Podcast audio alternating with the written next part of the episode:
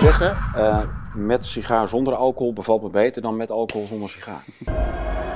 Dus als je gewoon een, eh, een halve puritein bent en je kunt in een stuk een, een betonnen hok leven, Menno, Ja. dan, dan is het ook prima. De, Het zijn even goede vrienden. Wat, Dan, eh, zullen we gewoon even korte commercie doen? ja. Ja? ja, laten we hem kort doen. Korte commercie. Deze duurt maar eh 20 minuten. Iemand zei al, van, is dat een, eh, een, een soort vrouwentuiniermethode of zo? Dat het een no-dick methode is? Ik moet wel zeggen, ik heb nou net weer eh, in de afgelopen tijd eh, de hele Game of Thrones serie teruggekeken. Je hebt echt een walgelijke filmsmaak. Van harte welkom in de mooiste bar van Nederland. Ja, de waanzinbar van de Blauwe Tijger met... eh ah joh, topgast, Menno. Hallo, goeiedag. Dag. Fantastisch. Oh, echt, moet, moet dat nou zo enthousiast naar de kerst? Ik ben echt nog helemaal brak en eh, ik zit erbij als een verzopen schaap in de wei. In de storm van gekke Gerrit zit ik mezelf in te schenken. Ik moet e- eerst jou inschenken eigenlijk. Heb je te veel gegeten, Tom? Nou, niet eens eigenlijk. Lekker wijntje. Ja. Heerlijk. Nee, ik- Hele, hele heftige corona die op mijn stembandjes is geslagen. Ja, dan ben, ik, eh, dan ben je weg. heb, jij, heb jij het nieuwe variantje te pakken? Ik heb geen idee. Piroa heet hij of zo? Ja, iets. Geen idee. ik zag iets. Ja. Ah, kom hier met die sigaar. Ja, hè? Moet even, moet even rook overheen. Oeh, wat heb, we- wat heb je klaargezet? Ja, dat is leuk. Ik kreeg, eh, dit moet ik wel even vertellen. Dit is eh, iets heel unieks. Die staat eh, nu als nieuw attribuut in de Waanzinbar. Ja? Die kreeg ik van eh, de mensen die toevallig wisten dat ik sigarenfan was, die, eh, waar ik deze van inkoop. Eh, dus eh, mijn eh, eh, asbak. Daar zijn er slechts, van deze zijn er slechts zes. Then it's, it's eh, all over. Dus eh, dit is hele schattige antieke asbakje. Daar hebben we zes exemplaren van. En eh, toen ik dus die kwam ophalen bij de eh, dame die mij die geleverd heeft, had ze die. eh, en dat is dus een antiek ding wat ze op een veiling had gekocht voor mij. Specifiek Ja. voor jou? Ja. Nou, dat is heel leuk. Van, gemaakt van zilver en opaline. Een Ja. echte sigarenpresenteerpot. Oké. Oké. Weet ik het. Oké, dus dat, het is echt specifiek Hier, ja, ja, is eh, echt specifiek voor sigaren.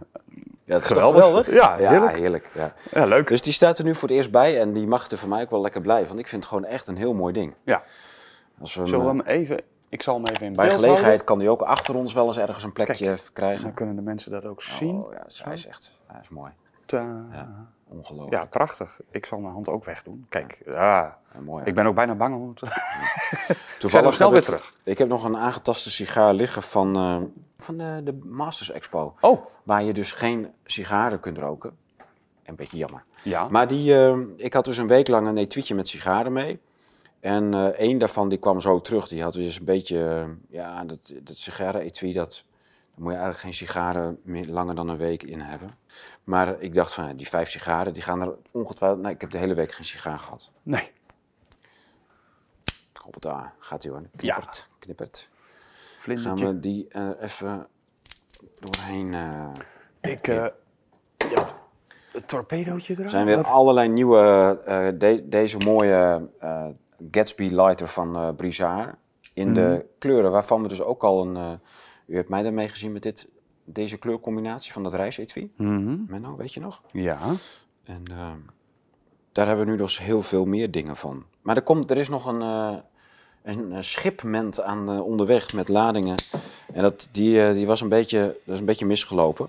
Oké. Maar hij gaat alsnog onze kant uit. Ah, mooi. Ja. Dus eh, ook we weer, kregen- daar zitten ook bestellingen van mensen tussen. Oh, Sommige mensen moeten echt even wachten. Prachtige zebrahouten sigarenkoker zit erbij. Iemand besteld. Een knipper. Zebrahout. Een eh krokodillenleren knipper. V-cutter. ja. Er zijn leuke dingen besteld van, eh, de- eh, van, van die Brizard collectie. Oké. Zo- eh, En dan zie je gewoon dat het ongelooflijk mooi spul is. Hmm. Ik hoop dat dit nog een beetje trekt. Als, dit, als het niks wist met deze sigaren, Menno, dan... Neem je afscheid. nee, neem maar afscheid. Ja. Oké. Maar ehm, dat is lang geleden, Tom, dat we gewoon lekker een wijntje hebben gedaan aan, aan de bar. ja, jij zit altijd whisky te zuipen. Ja, maar jij drinkt Van ook dat. Friese paard Jij bent ook jou. een tijd... Ja, meestal water. Ja. ah. Als je gewoon elke dag een lekker sigaartje rookt. Ik heb eigenlijk eh, sindsdien geen behoefte aan alcohol. Nee, hè? Nee. Dus jij hebt eh, de ene zonde ingeruild voor de andere. Ja. Nou, ik hou ze allebei stevig vast. En ik moet zeggen, eh, met sigaar zonder alcohol bevalt me beter dan met alcohol zonder sigaar. Oké. ja, Dat dat is echt een fijnere hobby. Oké. Het is waardeloos, joh. Trekt hij niet?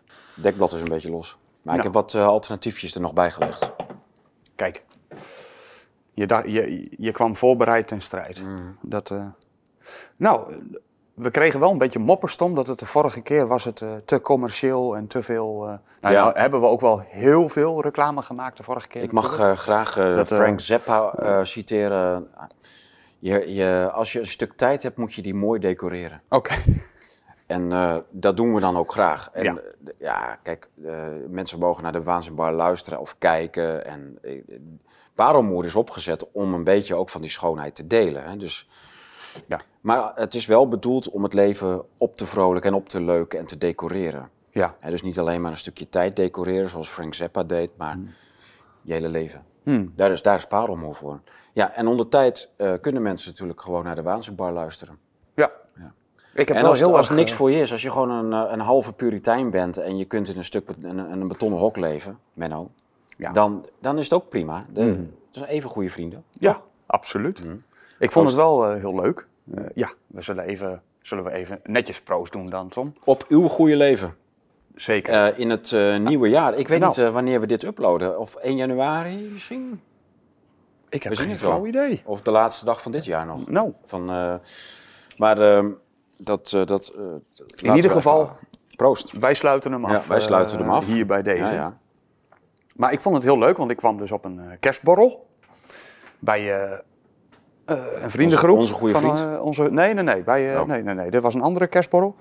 Maar met een, en de, daar liep ik naar binnen. En toen zei hij, hey Menno, heb je ook de sigaren mee? Nou ja, dat, Dat is een compliment. die had ik mee. Ja, leuk. Dat is, eh, Dus we oh, die had je mee, hè? Ja, ja, ja, Oh. zeker. Ik had, eh, ja. Dus ik had wat achter in mijn auto liggen. En, eh, ik had toevallig net wat gekocht voor, voor oud en nieuw ook. Hmm. En ik dacht, nou, dan deel ik dat graag. Ja, ik vond het leuk. Sietske Bergsma die twitterde onder, naar aanleiding, aanleiding van de laatste waanzinbar. eh, dat ze, dat, dat ze, dat ze, leuk, dat, ze vond het leuk dat hij er was. Dat ze eindelijk weer me-time kreeg. Even kijken, hoe, ze, hoe zei ze dat ook alweer? Ah ja, maakt niet uit. Maar ze was er heel blij mee en ze ging even naar de me-time. Oké. Ja, dus ook eh, voor al uw me-time, zet gewoon lekker de waanzinbar aan. Steek een sigaar mee op, drink een glas wijn mee. En eh, dan hebben we het ergens over. Wat, dan, eh, zullen we gewoon even korte commercie doen? Ja. Ja? Ja, laten we hem kort doen. Korte commercie. Deze duurt maar eh 20 minuten. ja, dat is op een hele uitzending natuurlijk niet zoveel. Hè? Bij de NPO kijk je langer naar reclame als je drie uur zit te kijken naar de tv. NPO ook al tegenwoordig? Ah, tuurlijk joh. Ik heb al jaren geen NPO gekeken. volgens mij wel. Deze, eh, de waarheidsbundel heb jij hem genoemd, staat in de webwinkel. Drie boeken waarvan deze gratis is. En dat is eh, christelijk getint. De Bouwmeesters van Europa, een eh everseller van de, de Blauwe Tijger. Ja, dat is echt een boek wat ja, super informatief, heel, heel mooi. De oorsprong van de Europese beschaving. Rob Mutsaars, bisschop, nog niet in rusten, maar wel heel actief. Heeft een boekje over en tegen woke geschreven. Hebben we mm, drie maandjes uit, vier maandjes? Nog niet eens, Nog denk niet eens, ik. hè? Nee, nee. iets in november. Ja, Ja, ja. Maar heel deze, mooi gesprek geweest samen met eh ja, pastoor met, met Mennen. eh, Menne en Mutsaars. Die kunt Ja. u kijken in ons archief. Dat is een leuke uitzending geweest, de boekpresentatie van dit boekje. Van waarheid tot woke, met een heerlijke roze kerk ervoor op. Eh, wist je trouwens dat eh, paus Franciscus, die heeft een nieuw document eh uit doen gaan. Mhm. Waarin het nu, het is iets heel vaags, maar iedereen denkt nu dat het toegestaan is om homoseksuele relaties te zegenen in de kerk. Oké. Ja.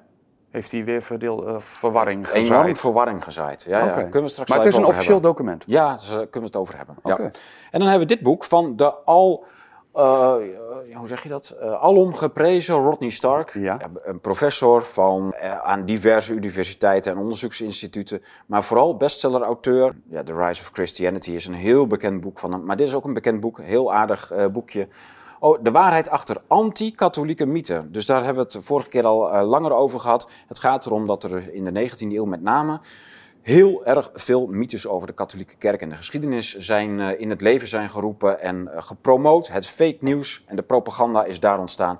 En eh, daar is, ja, dat is lastig werk om dat allemaal door te prikken, maar Rodney Stark doet dat. En ook Thomas E. Woods junior, doet dat met De Bouwmeesters van Europa. De, dat zijn twee hele leuke boeken. En dan hebben we natuurlijk nog al ons aller... er zit in de bundel, dit heet de Waarheidsbundel. Dus ja, het ons mythologiseren, het ons eh, maskeren van al die mythes is, eh, is ook leuk. Leuk tijdverdrijf. Je leert heel erg veel van deze drie boeken. Niet duur. We gaan er nog even bij vermelden dat wij hebben de laatste aantal van Rodney Stark in huis. Mhm. Die zijn niet meer te krijgen op andere plekken. Nergens meer. Wordt ook alleen maar verkocht in deze bundel. Dus het losse product staat niet in de webwinkel meer. Mhm. Had ik begrepen. Dus deze bundel is eh, wat er nog is en daarna is het op. Ja. Ja, En dan krijg is je- het. Dan is die... we gaan dan wel kijken of we eens met de eh, rechthebbende ver- vertaler en uitgever om tafel gaan zitten als er veel vraag naar is. Maar dan, is, dan is het alsnog een karwei waar we zeker niet voor het einde van 2024 mee klaar zijn. Want eh, daar is nogal wat werk aan om zoiets weer heruit te geven. Kijk. En de eversellers van de, de Blauwe Tijger van het hele najaar, nou ja, dat is gewoon dit. Dus zaaikalender die overtreft alle verwachtingen, vliegt de webwinkel uit. Als je nou een tuintje hebt en je eh, wil richting en handvaten en eh, voor wanneer je wat doet, dan moet je dit hebben. Dit is de zaaikalender 2024 van Charles Dowding. Die eh, begint in, staat in heel januari, staat hij nog ongeveer leeg. Maar een leuke inleiding, veel plaatjes. Wat doe je? Hoe doe je dat in de tuin? Wat heb je nodig? Hoe ga je te werk? Alle planten staan keurig in een tabel wanneer je wat zaait, oogst, bijhoudt, bij elkaar zet. Plant, uitzaait, uit de kas, in de kas. Je kunt er, van, eh, je kunt er echt alles mee. De alle maandstanden die relevant zijn voor het zaaien en oogsten staan erbij. Super handig. En dan begint in ongeveer half februari gaat die tuin beginnen. Dus je hebt nog in januari de tijd om die tuin aan te leggen als je hem nog niet hebt. Als je hem wel hebt, kun je nog even een laagje compost erbij opgooien. Want dat vindt meneer eh, Dowding erg fijn als je dat doet. En je plantjes ook. Je krijgt er alleen maar een betere tuin van als je niet meer spit. En zo heet dat dus ook. Dat heet de no-dig-methode. Iemand zei al, van, is dat een, eh, een, een soort vrouwentuinier-methode of zo? Dat het een no-dig-methode is. Ja, dus eh, ik, eh, ik had geen idee, ik had er nog niet over nagedacht. Maar goed, er zijn luisteraars Ja. met heel veel fantasie. En die, Ja. die zeiden dat even tegen mij. Ja, uitspraak is belangrijk. Ja, ja zeker. Uitspraak, uitspraak is heel belangrijk. Dus het is een eh, no-dig-methode met een, eh, een no-dig... eh, Oké. ja. Nee, het is... ja, maar dan weet ik ook waarom ik altijd gewoon naar de tuinieren zit te kijken met een sigaar in mijn hand en een cameraatje erbij om te vertellen wat anderen allemaal in die tuin aan het doen zijn. Ja, Ja, dat is. ja. Nou ja, deze, de Homestead Bijbel, de epoch nummer 20, legendarische nummer 20. Dat betekent vijf hele jaargangen vol. U kunt eh, deze eh, vijfde jaargang nu ook gesigneerd en al in één mooie box bestellen bij de, eh, de webwinkel van de Blauwe Tijger. Daar komt hij in te staan en dan, dan heeft u dus de vier nummers. Dat zijn nummer 20, 19, 18 en 17. Ja. Plus een schitterende linnen box die er omheen gaat. Een zwarte linnen box. Alle vijf gesigneerd door mij. Dus zowel de box als de vier epochs. Nu, voor, eh, nu compleet. Voor het eerst dus in de webwinkel. En dat is natuurlijk een heel leuk dingetje om het eh, jaar mee uit te luiden. Ik ben er trots op. Vijf jaar werk, joh. ja. Ja. En Dik, dik die- vijf jaar werk. Ook deze laatste vooral is echt heel veel werk Hij is geweest. heel veel- en hij is ook ja. echt heel mooi geworden. En het is ook dus- alleen maar een aanzet van een thema waar we mee verder gaan. We gaan Mhm. verder met die tuin. We gaan verder met eh, homesteading. We gaan verder met koper. We gaan verder met elektrocultuur. En dat is interactief, want er zijn ongelooflijk veel klanten die inmiddels de Green Box besteld hebben. Zo ongelooflijk veel dat we steeds in batches moeten uitleveren. eh naar gelang wij eh, voorraad uit Zwitserland krijgen. Nieuwe voorraad met Greenboxen. Die gaan dus echt enorm. Er is nu ook een eh, kweker die een hele grote farmersbox heeft besteld. Ja. Die is eh 1 kwadraatmeter, ja. Ja. Echt super groot, met drie hele grote laders erin. Ja. Dus dat experiment is ook in Nederland al aan de gang. En dat is echt op professionele schaal, dat, eh, dat kiemen van zaden op zo'n, in zo'n grote box. Weet, je, weet jij toevallig wat hij erin gaat doen? Of mogen we daar niks... is dat Eh, allemaal nog een beetje... Ja, we krijgen daar updates van en dan eh, laten we die zien aan de mensen. Ah, leuk. Ja, Gaaf. Dus dat, dat wordt, eh, dat wordt mee- meegedeeld, dat is wel leuk. Ja. En eh, deze twee dingen zitten natuurlijk eh, in de bundel van eh, de, hoe heet die ook alweer? De De tuinvoordeelbundel. tuinvoordeelbundel. Ja, natuurlijk. Met dat boek over de Greenbox. Heel belangrijk dat u dat boek leest. Als u de box bestelt, krijgt u deze gratis. Als u de bundel bestelt, krijgt u de tuinkalender gratis. Ja. ja. Correct. Heb ik het weer correct Ja. geformuleerd? Nou, Ehm, zal ja, ik de uitsmijter doen? ik- ja, eh, ja, doe jij dat? Ja, Ik, ja, ja, ja. eh, ik doe de uitsmijter. Eh, het is nu voor de laatste paar dagen, want dit is echt alleen in december, want ik heb er heel veel werk van. maar bij elke bestelling die u nog doet. Klagen, klagen, klagen. Nee, dat is geen klagen, maar het is gewoon een mededeling. Bij elke bestelling die u nog doet, krijgt u, mag u kiezen uit een van deze vijf epochs. Die kunt u aangeven in de notities bij de bestelling welke u graag wil ontvangen. Dat is nummer 12 tot en met 16. Als u niet kiest, doe ik dat voor u. Nou, Kijk. dus dat is de... Schitterend. Echt een hele, hele mooie aanbieding. Eh, ja, bezorg, eh bezorg Menno werk. Gooi er nu nog even een bestelling voor het einde van het jaar uit. En er komen nog epochs mee eh, die kant op. Ook bestellingen die in december gedaan zijn van dingen die nog niet in huis zijn. Zoals de Heiko Schöning eh, eh, bundel. Bundel, ja. ja. want de Game Over 1 hebben wij twee jaar geleden uitgegeven. Game Over 2 komt nu. Is niet onze uitgave, maar hebben we wel ingekocht. En die komt half januari. Bestelt u die nu, kunt u ook nog een epoch gratis krijgen. Eh, Menno houdt wel in de gaten wanneer die bestellingen zijn gedaan. Tot en met 31 december, middernacht, als het vuurwerk losbarst, is de aanbieding geldig. En uw bestelling dus ook, als die eh, Ja, ja, voor, voor die tijd binnenkomt. zo is het. Ah ja, Nou, dat was een we- redelijk compacte commercie, maar nu toch? moeten we dus wel heel snel editen. Willen we nog op eh, oudjaar deze film eh, uploaden? Want anders eh, denken mensen, ja, hallo. Oudjaar is op zondag, toch? Mhm. Komt goed. Leuk. Een doen we, de- doen we vaker tegen de laatste tijd op zondag. We, we wisselen wat af door de, door de week om de, om de, hoe heet dat? Die algoritmes van Google en YouTube een beetje Ah, Kijk. voor de gek te houden. Ja, ja. Nou denk ik wel dat we langzamerhand op een punt komen dat het niet veel meer uitmaakt. Maar... Nou, toch wel. Ik merk wel verschil. Ja, dat, er zit verschil in, maar Ja. de- het wordt eh, steeds harder geremd. Ja, ja, het wordt wel geremd. Ja. Ja. Maar goed, ik, zie, eh, ik, ben, eh, ik ben wel tevreden en ik vind het ook leuk. Nou, wat willen we nog meer? Wat hebben we nou allemaal gehad? Ehm, ja, als deze video verschijnt, dan is het proces van Gideon natuurlijk al vrij lang geweest. Daar hebben we niet echt heel veel meer over te zeggen. Kunnen mensen verwijzen naar de, de hij heeft bij Forum Insight natuurlijk toegelicht, een en ander. Ja, en hij, hij heeft ook online op het kanaal van Forum staat de laatste zitting, als ik me niet vergis. Die kun je daar integraal terugkijken. Was Ja. op zich best, ik heb hem ook even zitten Ja. luisteren, was best... eh, Daar hebben we niet heel veel aan hoeven doen. nee. Ja, behalve dan dat je eh, gelijk zag dat de officier van justitie en de rechter al handjeklap hadden gedaan. Dus je kunt eigenlijk het vonnis al intekenen. Ja. Dit, eh, dit geval is zo ongelooflijk bevooroordeeld. Dus eh, ja, is, eh, gewoon weer typisch. Heel Hmm. typisch. Was zeker in Den Haag, rechtbank Den Haag of niet? Volgens mij wel. Ik denk het wel, ja. ja. Ja, hij woont ook in Den Haag. Ja, nee, Eh, ja, ja, precies. Waar, eh, waar wou jij het verder over hebben? Heb jij nog... eh, De kaarsjes moeten aan, vriend. Ik, oh, daar kregen we ook al moppers over de vorige keer. Dat, eh, Ja. Eens kijken of dit ook wil. En dan, en dan krijg je weer moppers, want mensen gaan natuurlijk dan zeggen van... het is al kerst geweest hoor. Ja, maar de kerstperiode... eh, we zijn hier braaf katholiek in dit huis. En eh, de kerstperiode is... eh, Het gaat als een eh, kanon. zie je dat? Die, die eh, draait vrolijk door. Dus wij... eh, in, de, in de volksmond duurt de kerstperiode tot drie koningen, dus 6 januari. Ja. Maar dat is niet helemaal waar. Hij duurt nog langer. In de gewone katholieke kerstperiode duurt eh, volgens mij drie weken tot drie weken na kerst of zo. Dus die kerstboom die moet je ook gewoon laten staan. Ja. Want anders dan eh, eh, ja, pleeg je toch heiligschennis. Oké. Ja, de kerstperiode is niet voorbij. Adventskrans kun je laten saan. Altijd aandoen bij het eten. is gezellig, kaarsje aan. En eh, ik vind dat altijd zo kil, hè. Als dan kerst geweest is. En, oh, dat- in Nederland is het nog typischer. Pas na Sinterklaas mag de kerstboom de, het huis in. En dan in één keer krijg je de kerstkransen en zo. Dat is natuurlijk een afgeleide van de adventskrans. Ja. En dan na de kerst, gelijk op eh, voor oud en nieuw, moeten die bomen er weer uitgeropt worden. En gaat de hele handel weer alle dozen in. En dan worden alle ballen weer opgeruimd. En ik vind, de winter die duurt al zo lang. En dan heb je het drie weken zo gezellig met zo'n boom en je kerststalletje en je adventskrans en de en, kaarsjes eh, en ja. die glitters en die ballen en alles glanst en glimt en is mooi. Ja. En dat, dat, dan maak je, waarom maak je dat nou zo moeilijk voor jezelf? Mensen, doe gewoon normaal. Die, die kerstperiode duurt heel lang. Die begint eh, met de eerste week van Advent tot en met Sint-Jutemis.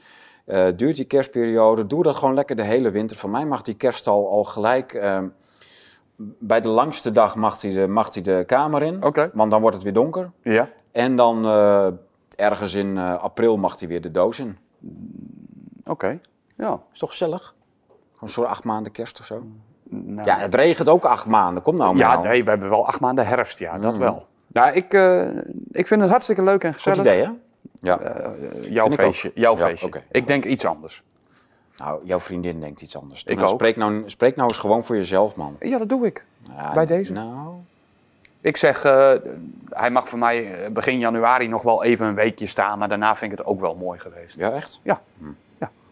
Heb je nog zo'n niet zo'n mooie kunstboom dan, zoals ik? Nee, Oh, dat is het. wij hebben een echte. Oké. Ja. Dan begrijp ik het wel. Ja, ik, ik, moet er, ik vind het altijd wel heel leuk hoor. Ook met de kinderen, die vinden het ook geweldig. Hè? Die kijken er altijd al heel lang naar uit. Eh, we gaan een boom halen. En eh, ze hebben hun eigen versieringen die ze elk jaar een plekje mogen geven. Ja. Ja, dat is heel, ik vind het echt heel leuk. Ja. Dus, ja. En ik ben, ik ben dan ook echt zo, eh, zo erg dat ik ook echt al die, eh, die, die prutzooi van eh, al die kleine kerstfiguurtjes en zo. En al die huisjes en ijsbaantjes uit die, uit die goedkope tuincentra. Dat kan me niet kitsch genoeg en dan vind ik het al mooi. Zo, zo treurig is dit hele seizoen eigenlijk De gemiddelde kamper is er jaloers op. Ja, we, hebben, we hebben geen sneeuw en ijs meer in de winter, Nee. maar we hebben Ja, wel ja. gewoon acht maanden regen Ja. en, en storm en Gerrit die om het huis giert en zo. Ja. Verschrikkelijk. Oh, is dit Gerrit? Dit is Gerrit, toch? Oh, we hadden vorige week Pia. Dat, Nee, dat kan niet, want de G is, aan, is, eh, is nu. Dan ja. kunnen we niet Pia gehad hebben, dan moet ja, we hadden IA. Storm Pia was dat. Vorige week geloof ik, afgelopen Oké. week. Ja. Het gaat toch alfabetisch altijd? Ik heb geen flauw idee. Nou ja, Niet, eh, niet van belang. nee. En we hebben heel veel hoog water, Ja, gigantisch. zoals elk jaar. Ik ben. Afgelopen weekend ben ik even half Nederland doorgereden. Mm.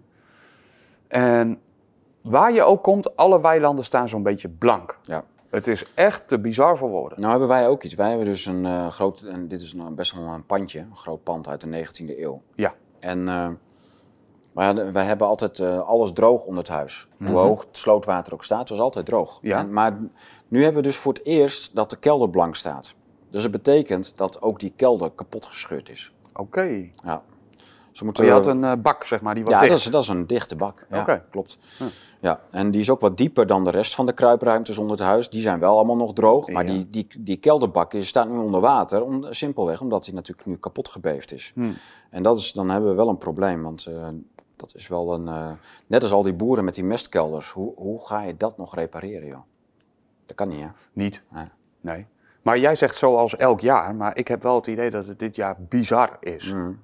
Ja, en ook wat ik begreep van iemand, is dat ze de waterstanden ook eh, kunstmatig hoog willen houden.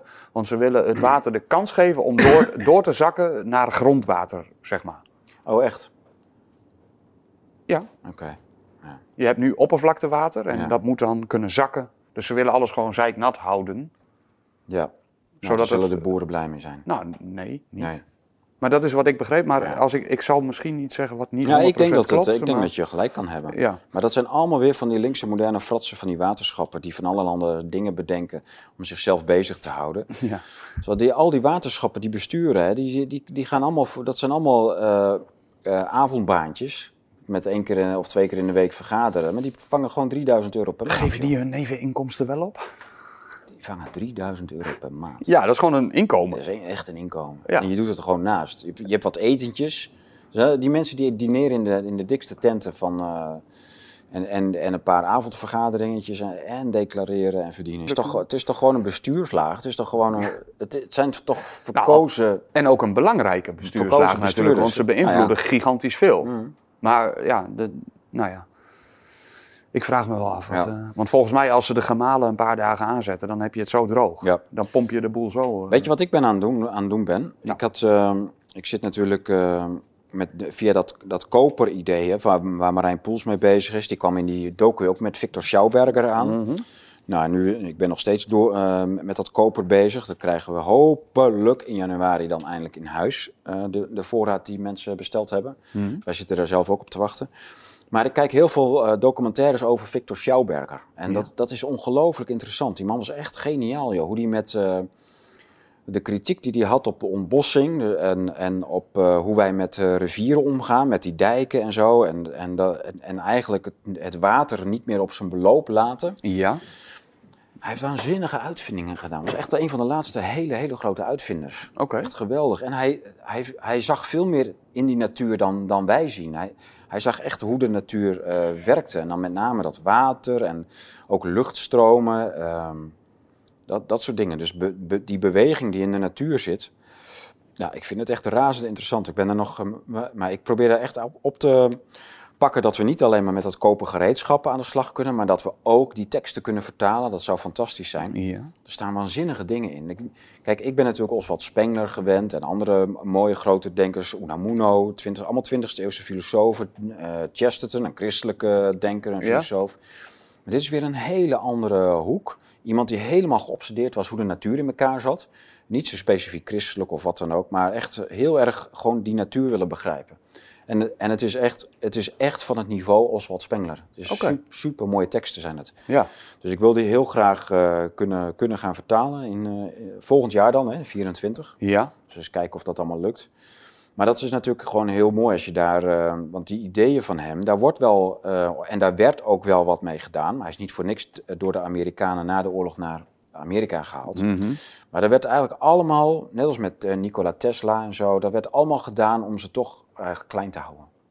Nou om ja, die ideeën niet te groot te maken. die mensen werden toch ook gewoon letterlijk naar binnen gehaald. En daarna werd alles gepatenteerd en opgekocht. En werd het nooit, vervolgens nooit eh, publiekelijk gemaakt. ja, zeg hij is maar. wel zo slim Dat geweest om heel veel patenten van hem en zijn zoon... eh, zelf die vast te leggen. ja, hij is wel slimmer dan dat. Ja. Ja. Ja. maar hij heeft Maar- echt waanzinnige dingen bedacht. En, Oké, nu heb ik wel een vraag aan je, want dat vind ik dan wel relevant. Want hij heeft dus veel kritiek op ons watermanagement.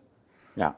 Maar- hij, hij waarschuwde dus dat wij hele grote overstromingen zouden krijgen. Ja, oké. En, dat je de- en, en dat is dus ook zijn theorie, dat je niet met eh, het simpelweg het oppervlaktewater laten liggen, dat je daarmee de grondwaterstand verhoogt. Dat helpt gewoon geen Ja, flikker. dat duurt weet ik het hoeveel jaren. eh, Ja, ja, dat, heeft, dat, dat helpt echt helemaal niks. Het is, het is traag, het, het werkt niet. Nee, Je- ja. Het is echt mosterd naar de maaltijd. Hij, hij stelt hele andere dingen voor om die grondwaterstanden goed te houden. En ook om de, om de hè, dus herbebossing vindt hij belangrijk. Maar, Ja. maar hij, eh, de, eh, bossen houden de bodem namelijk koel. En een koele bodem eh, zorgt ervoor dat water heel snel, heel diep doorcijpelt naar die grondwaterstanden. Ja, En als je dat allemaal niet hebt, je hebt weinig bossen en, de, en je hebt dus veel eh, kale oppervlakte, ja, dan, dan blijft dat water daar liggen. Omdat die, ehm, die weilanden en die, die gronden, die zijn al warm. Die staan el- elke dag in de zon. Ja. En zijn dus minder goed doordringbaar van het regenwater wat valt. oké.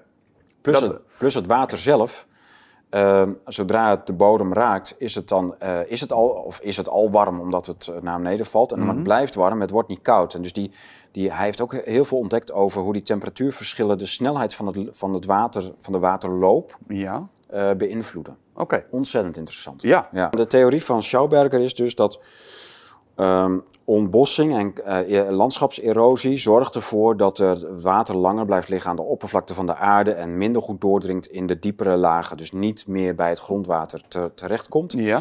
Dat zorgt er weer voor dat er ook weer meer water verdampt en in de atmosfeer komt, dat het langer blijft regenen en meer gaat regenen. Dus het is een, een eh, spiraal. Dus je krijgt een soort oppervlaktekringloop, maar Ja. het water gaat niet meer naar...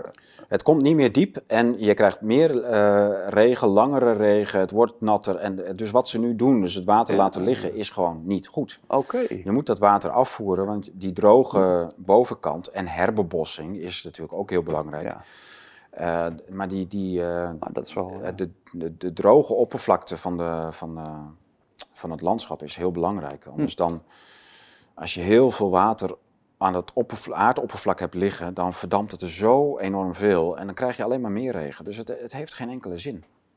Oké. Nou, dat vind ik heel interessant. En hij ja. waarschuwde daarvoor in de jaren 2030. Nou ja, maar vanuit dat oogpunt is het dus ook wel weer heel erg goed eh, verklaarbaar dat wij eh, steeds meer herfst krijgen en steeds minder zomer en winter eigenlijk. Ja, exact. Ja. Ja. Ja. Dat, dat, dat hangt daarmee wel eh, gedeeltelijk samen. Ja. Ja, dat is, ja. En wanneer eh, was de, eh, uit welke jaren komen deze ontdekkingen? Of? Ja, hij leefde volgens mij ergens tot in de jaren 50. Oké. Oké. Maar de grote dingen. Eh, hij heeft in Amerika heel veel echte zwaar technologische uitvindingen gedaan. Mhm. En maar zijn ideeën en teksten en zijn filosofie en zo stamt al, eh, is al veel ouder. Dus eh, zijn, zijn, wat hij zag gebeuren in de natuur, dat heeft hij al op vrij jonge leeftijd beschreven. Hm. Ja. Gaaf. Oké, dus daar, ben jij, daar wil jij misschien wat mee gaan doen. Daar wil ik heel graag wat mee doen. Oké. Tof. Ja. Ja, dat is ontzettend leuk. Dus in Amerika wordt er veel mee gedaan. Dat zijn ideeën. Een beetje in de alternatieve wetenschappelijke wereld. In Zweden wordt er veel mee gedaan. En natuurlijk in Oostenrijk, waar die vandaan komt. Nou, eh, kun jij een voorbeeld geven wat dan een praktische implementatie zou zijn van iets? Hè? Want wat kunnen wij doen om dat te veranderen? Moeten we dan weer gewoon bossen gaan planten? Nou, of, of wat is ja, het? eh, eh, Ja, onder andere. Sorry, En hij heeft ook, wat, ehm, hij heeft ook ehm, ideeën over hoe je rivieren eh, wel goed kunt, eh, dus ri- rivierstromen heel goed kunt geleiden, zodat je geen overstromingen krijgt en zodat rivieren niet eh, de oevers aantasten, maar keurig in het midden van de stroom blijven. En, je, kijk, wij hebben een soort watermanagement bedacht, waarin er heel veel met zware betonnen en, weet je, dat is allemaal, alles moet van alle kanten. Ja, platen. platen? Ja, ja, ja. Terwijl als je de waterstroom goed geleidt en heel erg met die temperatuurwisselingen bezig bent van warm naar koud, dan kan het water, dan, gaat, dan beïnvloedt dat de snelheid, de loopsnelheid van het water. Dus het water wordt sneller afgevoerd, komt sneller beneden, is sneller bij de zee of in een, in een waterbekken waar je, waar je dat ook maar wil opvangen. En veroorzaakt minder problemen in die, al die eh, bergen en gebieden waar het eh, gewoon nu veel te nat is. Ja, Ja, dus dat is allemaal, ja, ik vind het eh, waanzinnig interessant eigenlijk. oké. Ja. Maar er wordt dus nog steeds mee geëxperimenteerd in Oostenrijk met al die bergbeekjes en zo. Zijn er eh, teams die, dat, eh, die, die bergbeken redesignen. Hmm. En, en eigenlijk met de, met de natuurlijke neigingen van het water meegaan en, en dat zo versterken. Eh, ja, die temperatuurwisselingen ook. Hoe kom je erop dat wanneer dat ook maar de miniemste, de tiende van een graad verschil in temperatuur binnen, bij een bepaalde kolk, zeg maar, dat water dan afkoelt en in één keer een versnelling krijgt vanwege die temperatuur, eh, omdat het dan afkoelt, dat het dan sneller gaat lopen. Ja. Hoe verzin je dat? Ja. ja Hoe dat kom je daarop? Ja. Hij zag zelfs dat, dat water kon bewegen tegen de. eh, eh, dus wij denken altijd watervloeit gaat van boven naar beneden. Grosso modo is dat ook zo. Ja. Maar hij zag dus zelfs neigingen in beken van water, die, eh, water dat tegen de stroom opging. Of zijstromen die weer teruggaan. En water wat omhoog klimt in plaats Ja, van naar beneden. Precies, ja. En dus dat, de, ehm, Dat zijn dingen die je onder water wel veel ziet ja, ja, gebeuren. dus die wervelingen, ja, de kolken en, de, en vortexen heeft hij heel veel mee. eh, dat, Ja. dat daar doet hij heel veel mee. Ja. Ja, ik, ja heel, heel leuk. En eh, er staan heel wat docu'tjes op eh, YouTube. Hm. Er zijn ook wel heel veel boeken over hem geschreven, maar hij heeft maar zelf maar één heel klein boekje geschreven. Oké. En daar jaag ik natuurlijk op, want die wil ik vertalen. Ja. Dus dat, dat, is echt een, dat zou voor mij echt een waanzinnige mooie 20e eeuwse klassieker zijn. Zijn ook heel veel losse teksten en opzetten en tekeningen van hem. Hij is echt een, een enorme tekenaar en uitvinder geweest met heel veel ideeën en onafgemaakte teksten, essays. Hij heeft maar één boekje geschreven. Maar dat eh, hoop ik dan in eh, no time eh, meer, over, meer duidelijkheid over te hebben. Oké. Ja. Dus, eh, ja, wat hebben we nog meer? Die, eh, ja, die watervloeden, hè, dus de, die, de- dat, er, dat het maar blijft regenen en steeds natter wordt. En de, dus dat, dat gezeur over dat klimaatverandering, meer weersextremen en zo. Nou, als je, als je Schauberger leest, een waarschuwingen van 100 jaar geleden, wat hij zag gebeuren toen, hoe we met de natuur omgingen en met rivieren en waterlopen. Ja, dat is gewoon wat je nu ziet gebeuren. Het is natter, het is eh, eh, ook niet alleen maar aan de zee. hebben we, eigenlijk aan zee hebben we eigenlijk misschien wel minder last van stormvloeden, minder last van overstromingen, terwijl alle problemen met water zitten in het binnenland. En dus eh, met al onze moderne dijkmanagement en grote, eh, we komen niet heel veel verder. Nee. Ja, behalve dat, dat elke meter in Nederland gereguleerd is eh, qua waterstanden. Zou je denken. Nou, dat is, is ook zo. Ja, maar al die machines. eh, ja, kijk, bij ons is natuurlijk erg goed eh, bijgehouden. Ja. In Duitsland lopen ze wat achter en eh, eh, ook wel qua onderhoud aan waterwerken en dijken. Ja. Dus daar, is het, daar hebben ze wel een probleem. Hm. Dus die, Eems, die, die Eemsdijken zijn zwak en er zijn meer stukken die, die gewoon moeilijk zijn. Veel overstromingen. Oh, oh. Gaan we op naar een nieuwe watersnoodramp? Nou ja, kijk, als je.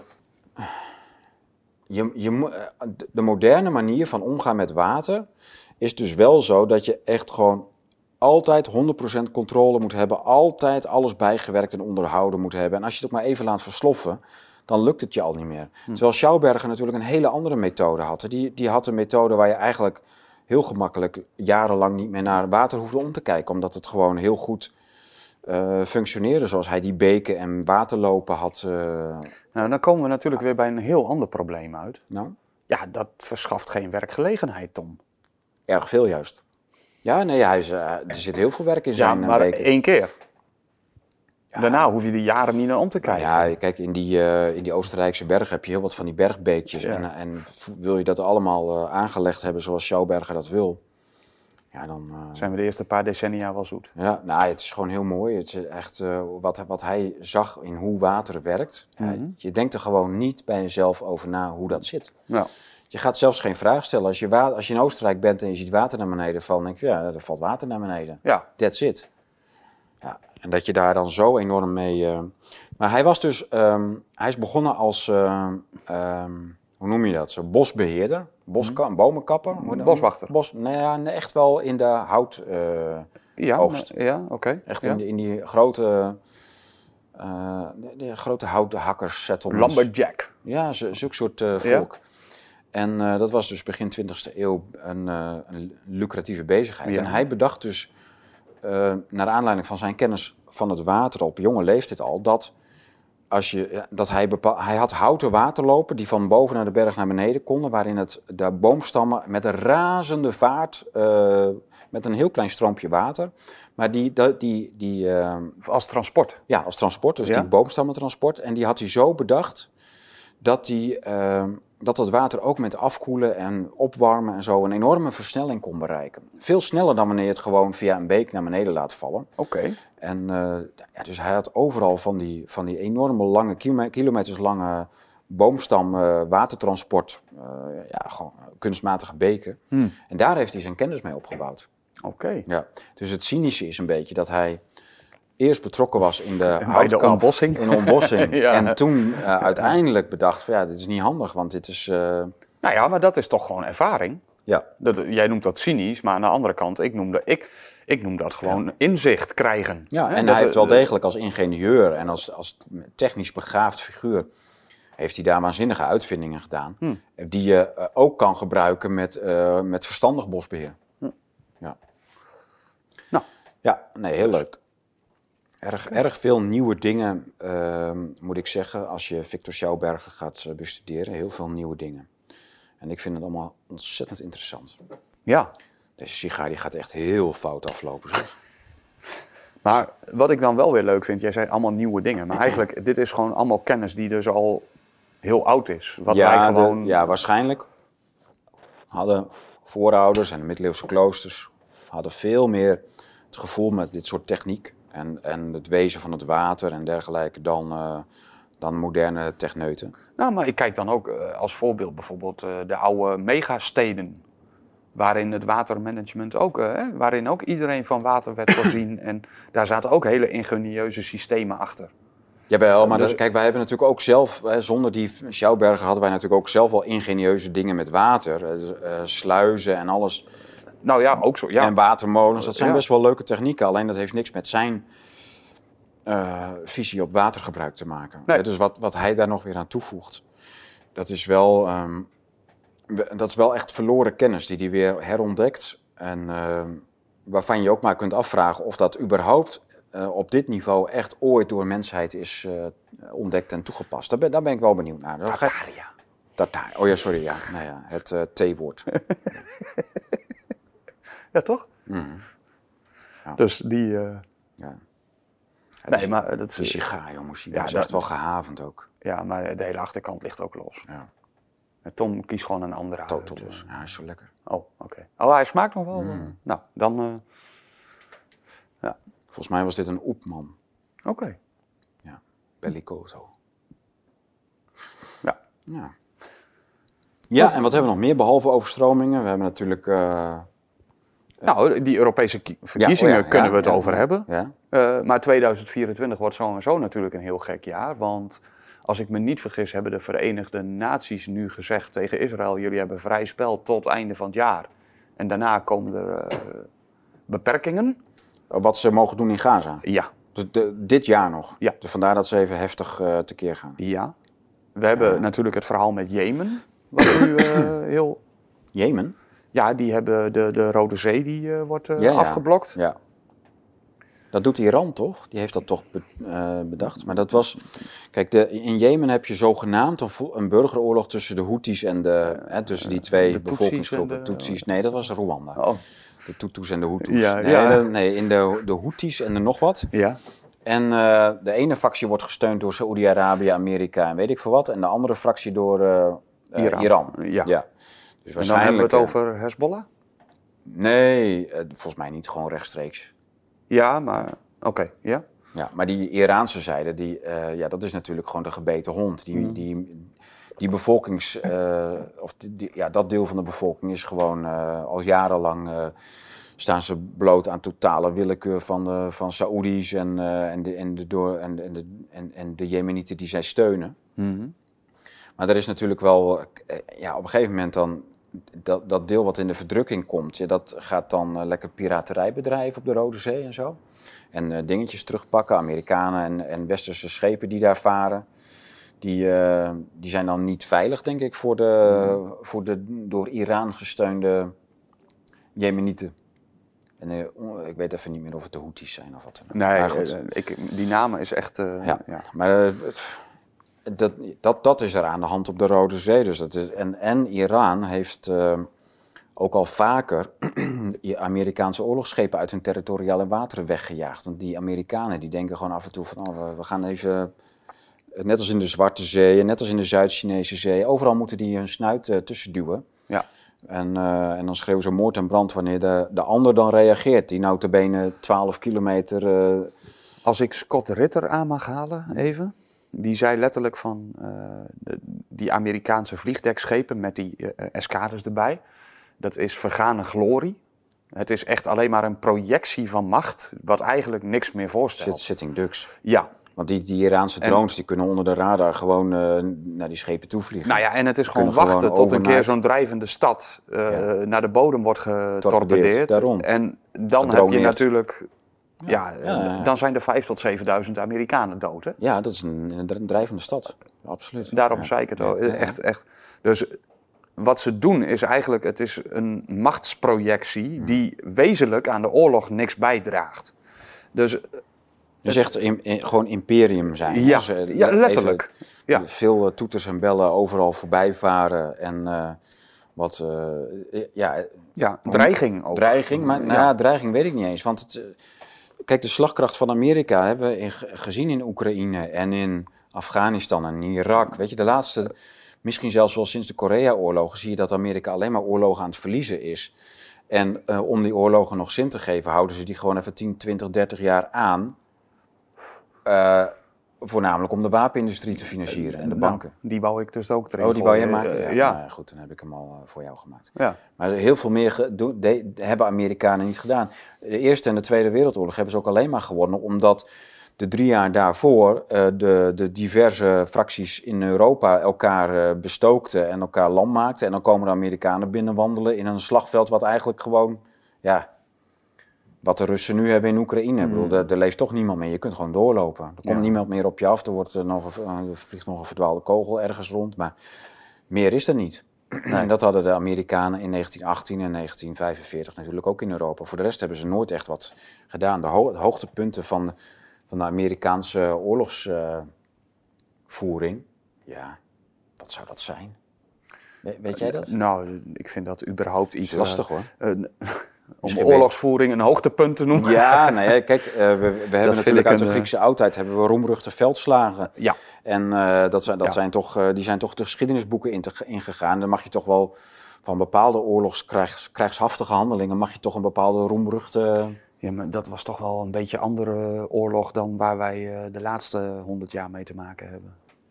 eh, ja, Kijk, toen was er ook daadwerkelijk, toen werd er ook nog gestreden voor voor de eer en voor de eer vrouwen. En, ja, nou ja, Als Helena eh, uit Troje weg moest, Nou. die werd dan weer veroverd door de weet ik veel wat. Ja. En eh, dan weer terug veroverd door... eh, this is Sparta.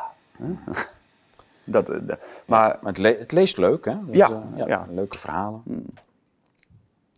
ik moet wel zeggen, ik heb nou net weer eh, in de afgelopen tijd de hele Game of Thrones serie teruggekeken. Kijk, je hebt echt een walgelijke filmsmaak. Is geen film, dat is een serie. Nog erger. Maar nou, ik vind dat wel genieten. Ja, Ik heb de afgelopen dagen heel veel films gezien. oké. Een zoontje van mij die houdt erg van Thor.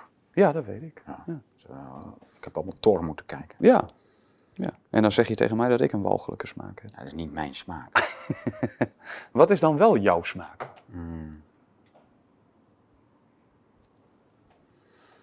Ja, ik denk toch wel dat ik van ehm, ehm, eh, films het meest genoten heb. ehm, ik weet niet of ik dat nu nog zo snel terug zou kijken, maar eh, van ehm, leuke Franse filmhuisfilms. Tot en met eh, de Poolse regisseur Kieslowski, die vond ik, heb ik een aantal hele mooie films van gezien. Van de Russische regisseur Tarkovsky heb ik mooie films gezien. Nou, wat van de Italiaanse, gewoon kunstfilms. Oké. Maar ja, kijk, Maar hoe kijk jij en- naar een film dan? Hè? Want nou, dat is een verhaal, er wordt een verhaal, verhaal verteld. Maar eh, kijk, Hollywood heeft alles gewoon eh, 180 graden omgedraaid. En alles is geweld en, eh, en de good guys moeten winnen. En er wordt een hele morele, la- morele lading aangegeven. Maar dat zie je in de Europese filmen, films helemaal niet zo. Het is, is allemaal veel minder. En als, kijk, de, er zijn ook heel veel Amerikaanse westerns opgenomen in Spanje en Italië. Dus daar zit een, een heel deel van de zogenaamde Amerikaanse westerns zijn eigenlijk Europees. Maar dan zie je ook dat er gewoon in, die, in die, al die actie zit er al veel meer dramatiek en eh, lijden en, en, eh, en eer en zo dan, dan in de Hollywood shit die we moeten zien. Oké. Maar het wordt ook niet beter, weet je. De, Nee, de, nee, zelfs de Disney-films van tien Ja. jaar terug zijn beter dan die van zes jaar terug. Ja, maar kom op, Disney is ook het, een van de ergste bedrijven. Trouwens, dat verhaaltje waar wij het laatst over hadden, dat Elon Musk eh, tegen die adverteerder zei van go yourself. Mhm. Dat ging dus over de eigenaar van Disney. Ook dacht Apple. Nee, dus nee dat ging over Ah. Disney. En eh, Iger heette die man, als het goed is. En toen zei hij letterlijk van, ja, eh, je, je kan mij niet blackmailen met geld. Nee, Dus go yourself. oké. Dat, Daar ging. Even een kleine eh, Twee, aanvulling twee keer op, bliepen. Ja, maar ja. Even, ja, heel goed dat je dat in eh, herinnering hebt geroepen. Ja, maar eh, dat... eh, Maar dit, Oké. ja, gewoon leuke, leuke verhalen. Hitchcock was leuk. Ehm, kijk, net zoals dat bo- boeken van Graham Greene vind ik leuker dan Hemingway. Ik, heb lief, veel, ik lees veel liever Graham Greene. Dat is gewoon een Engelse schrijver. En Hemingway is, is toch weer zo'n moderne Amerikaan. Eh, Agatha Christie is ontzettend leuk om te lezen. Er zijn ook een paar van die Hercule Poirot verhalen. En eh, die, die, die vroegere verfilmingen van... ehm, hoe heet die detective in eh, Londen ook alweer? Die, Ah, be- met Bezel. Ja, Ja, ja. Kijk, daar heb je nu, nu zijn het allemaal homo's, openlijk ook, die, die, dat, die die rollen spelen. Ja? Maar dat, daar zijn paar Sherlock Holmes. Ja, Holmes. Daar zijn Ja. een paar decennia terug ongelooflijk mooie films van gemaakt. Hm?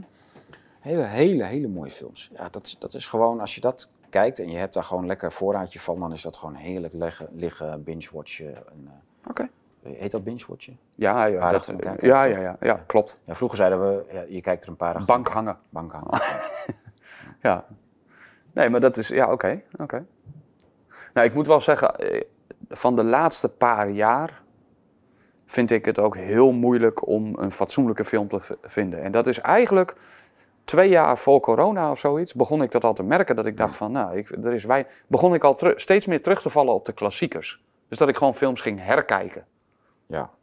En dan eh, bijvoorbeeld Ja. de, de Godfather-serie Ja, ja, en dat soort dingen. En, en echt gewoon, vind ik geweldig. Ook- nou, en ook de oude James Bonds. Mhm. Eh, de- tot 2015 of zoiets. Eh, Is er, een- ja. Ik had zelfs eh, eh, van de week op eh, een paar oude films met ehm, Douglas, eh, hoe heet je ook alweer? Michael Douglas Ja. gevonden. Ja. En Kathleen, Catherine, of Kat, Kathleen, hoe heet ze? Echt heel grappig, The Jewel of the Nile. Ja, het ligt soms Ja. echt dubbel om de eenvoudigheid hoe het gemaakt is. Maar er zitten wel topak- topacteurs die dat gewoon tot een leuk verhaal maken. ja, Dat is zeker. leuk. Ja. Ja. En dat vind ik van eh Kieslowski, die Poolse ehm, regisseur. Ja, die heeft in de jaren negentig waanzinnige films gemaakt. Veel te jong overleden. Toen was hij is 55 geworden of zo. ja. Maar die heeft echt ongelooflijk mooie films gemaakt. Hm. En, die, eh, en Tarkovsky ook. Een, be- een beetje moeilijk en wat, wat eh, ondoordringbaar. Maar ook he- gewoon heel mooi poëtische films. Le- Veel leuker. Ah, maar ik, ik heb laatst maar bijvoorbeeld... kijk, Hollywood was ook veel leuker toen John Wayne nog leefde. Weet je? Dat was, ze hebben echt wel een mooie tijd gehad hoor. Nou, en ik vind dat er nog steeds... eh, En Cary Grant en hoe heet ze? ja, eh, ja, allemaal. ja, ja, klopt. Er zaten, zaten echt heel veel mooie filmmakers in. Maar bijvoorbeeld, eh, er is ook eh, die film The Curious Case of Benjamin Button. Ik weet niet of je die kent. Nee. Het gaat over een baby en die wordt als bejaarde Oh, geboren. dat, en die, ja, dat, dat- vind ik dus ook helemaal niks. Nou, en toch is het een geweldig mooi verhaal. Oh, oké. Ja. Nee, ik, ik, ik hou daar niet zo van. Ik, eh, Heb je, en, de, en hoe heet het ook weer, die spotless mind en zo. En er wordt allemaal heel erg diepzinnig over helemaal niks gedaan. Nou, ik, ja, nee, ik, ik vind sommige dingen. Maar ik denk ook dat het heel erg is wat je er zelf op projecteert. Nou, wat je erin wil. zien, Menno, hè? zeg nou gewoon, Tom, ik, al die filmmakers die jij noemt, heb ik nog nooit gezien. Dat, je hebt nog nooit zulke films gezien. Wat jij nu. eh, Mhm. ik, nee, dat klopt. Nee, dat hoef ik ook niet. eh. Ja, ik heb, ze, ik heb ze dus wel gezien. En plus die Hollywood shit. En dan denk ik van ja. Er is een tijd geweest dat er in Hollywood gewoon veel betere films gemaakt werden. Ja. Zonder allerlei eh, eh, neoconservatieve oorlogsdreigingen als good guys, bad guys en eh, tactiek van de verschroeide aarde en dat soort dingen. Maar over het algemeen, ja, we hebben in Europa fantastische films gehad, joh. Echt zo ontzettend goed. Zo mooi. Topfilms. Oké. Moeten mensen gewoon weer gaan kijken. Ja. Die, die films van Tarkovsky kun je gewoon gratis kijken. Weet je? Die staan gewoon online, die kun je, die kun je zien. Ja, maar eh, jij noemt nu een aantal namen. Maar eh, mijn vraag was: wat voor soort films zijn het dan? Ja. Want jij Het- zegt kunstfilms. Ja, maar het type films wat jij alleen maar opnoemt de hele tijd is gewoon, stand, gewoon steeds hetzelfde type. Dat zijn die Hollywood actiefilms en thrillers en zo. En dat is gewoon een. Nee. Ja, jawel. Nee, Het- Je hebt dat hele genre van mij nog nooit gezien. nee oké. Eh, nou ja, wat, wat is het? Welk genre dan? Gewoon normale films. Net zo, je hebt, eh, ja, je hebt Donald Duck, maar je hebt ook gewone normale boeken. Je hebt romans, je hebt eh, novelles, je hebt dichtbundels. Ja. En iedereen die alleen maar Donald Duck leest, die, die, en, en, en dan begint er iemand over normale boeken. Ja, ja, wat dan? Hoe dan? Ja, weet je, Ja? ja? het gaat even voorbij die Donald Nee, maar even heel simpel. Als ik kijk, ik heb, ik eh, heb vroeger ooit de, de kanonnen van Navarone gelezen. Dat is een eh, trilogie, geloof ik, van Alistair MacLean. Het was een, best mooie boeken. Hangt een beetje tussen actie en, en, en hoe heet het? Ik kan niet, drama. Het is een beetje gedramatiseerd ook. Er is ook een verfilming van geweest. Echt in oude stijl. Ja. En dat is helemaal geen eh bluffverhaal of andere dingen. Dat, Nee, ik bedoel, dat is nog die amorele tijd van Hollywood waar er nog niet. Maar eh, als verhaal is het natuurlijk gewoon echt plat als karton. Dus gewoon eh, eigenlijk de. Ik bedoel, de Amerikanen en de Britten waren in 1914 waren ze ook al goed met propaganda hoor. Dus die, die hele. Alles wat over oorlogen gaat en waar Amerikanen en Engelsen in voorkomen, is natuurlijk allemaal weer die. Dat hele eh, good guys, bad guys verhaal komt er, weer, komt er weer bij. Het is allemaal weer hetzelfde. Dat hele schema kun je gelijk weer uittekenen. En eh, dat is gewoon, het is wel, ja, Er is ook een prachtige verfilming geweest van die Duitse sniper. Die ooit in die eh, kerktoren in een dorpje, weet ik het, een, een week lang of twee weken Ja. lang, weet ik het hoeveel mensen. Dat, ja, maar je ziet niet echt iets met zo'n sniper gebeuren, weet je. Het is, het is vooral spanning en zo, en wat gebeurt er, en wanneer krijgt hij zelf een kogel. Eh, nee, je, juist niet. Er werd heel erg ingezoomd, vond ik, op zijn morele dilemma's en Oh. andere dingen ook wel. Dus ik, ja, misschien zie ik eh, ook op een andere manier naar. Hè, dat jij bepaalde dingen erin ziet die ik niet zie. Oké. Dat, ik denk dat dat ook eh, voor een groot gedeelte eigen interpretatie is, hoe je naar zoiets kijkt. Oh, echt? Niet? Ja, een goed verhaal is gewoon een goed verhaal, dus niet je eigen interpretatie. Nou, eh, oké. Ja. Ja. Kijk, ik ben niet afkerig van plat vermaak, hè? Nee, Eh, nee, helemaal niet. Eh, Zolang het geen Ramstein is. nee, ja, dus dat is, ge- dat is platte plaag, dat is geen plat vermaak. Oké, ja. Ja. Ja. Ja, nee, maar dat, ja, een goede film waar je echt gewoon geïnteresseerd in het verhaal kan zijn. Ja. In plaats van dat je alleen maar steeds die kick van de actie en de vette effects en de, de good guys die winnen en weet ik veel wat. En, eh, ja. Kijk, al die Marvel-films, ja, goed, ik heb er dan nu een paar moeten kijken. Dat jochie vindt het hartstikke leuk. Ja, tuurlijk, ja. Maar ik hoop dat hij eh, ooit wel eh, wat betere films eh, gaat uitzoeken. Mhm.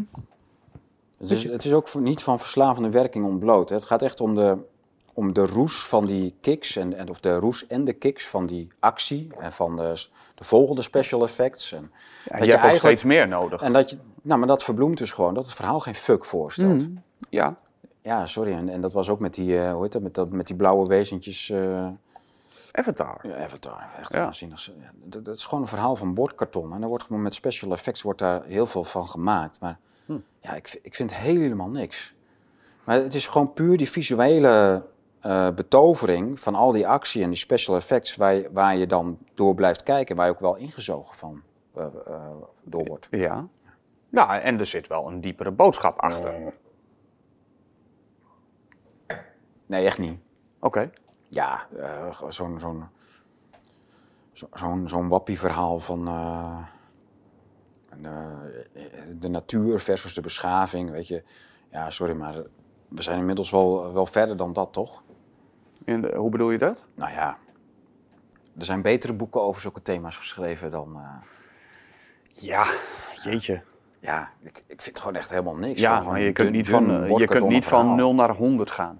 Nee, maar Voor een hele hoop mensen kan dit een mooie instap zijn. Kijk, Hollywood scripts zijn allemaal gewoon schema's. Weet je, die hangen van schema's aan elkaar. Je moet een tegenstelling creëren, dan krijg je een spanning en een probleem. En eh, dan gaat, gaat de ene te- kant gaat reageren en de andere kant gaat reageren. En uiteindelijk kristalliseert zich dat uit tot het ultieme eindstrijd en de good guys overwinnen. Ja. ja, ja. dat is gewoon bordkarton. Oké. Speaking En als de good guys verliezen? Daar wordt het geen reet anders van. Oké. Ik, ik, Oké. moet, ik moet bijna huilen om deze sigaar. Het is wel echt heel erg. Zal ik hem gewoon eh, een, eh, een laatste dienst bewijzen? Soms moet je gewoon eh, dingen loslaten, Tom. We laten hem los. ja. Ja, hij had het zelf ook al losgelaten. Ja. Ja. Ja. Ja, ja dan rookt het ook niet meer, volgens mij niet. Even kijken hoor. als het goed is, denk ik. Er zit geen fik meer in je. Dat dekblad doet wel iets hoor. Ik stoom ondertussen vrolijk verder. Hoor. Ja, jij Eh, bent lekker bezig. Oké, ja. ja. Nou, nog wat gezeik? Is er nog wat gebeurd? Nou, ik heb de afgelopen week eigenlijk vooral gewoon lekker van kerst en andere dingen genoten. Ik heb me absoluut niet bezig gehouden met de hele waanzin van deze tijd. Mm. Behalve, eh, ik heb één of twee dingetjes, eh, ik heb één of twee Amerikaanse podcasts geluisterd, Ja. omdat ik het leuk vond. Ja, heerlijk. Maar dat ging vooral over eh, cultuur bouwen, dus muziek maken en andere dingen. En, wat ik heel leuk vond. ja. Dus. ja. En voor de rest heb ik lekker eh, de wereld de wereld gelaten. Ik eigenlijk ook wel, ja. Want, je, want zoals gezegd, jij was dus eh, een paar dagen hier niet. En eh, onze andere zeer gewaardeerde medewerkster ook niet. Dus vijf dagen, ik ben vijf dagen niet eens boven geweest. Ik heb geloof ik één keer een, een oplader gehaald. Oké.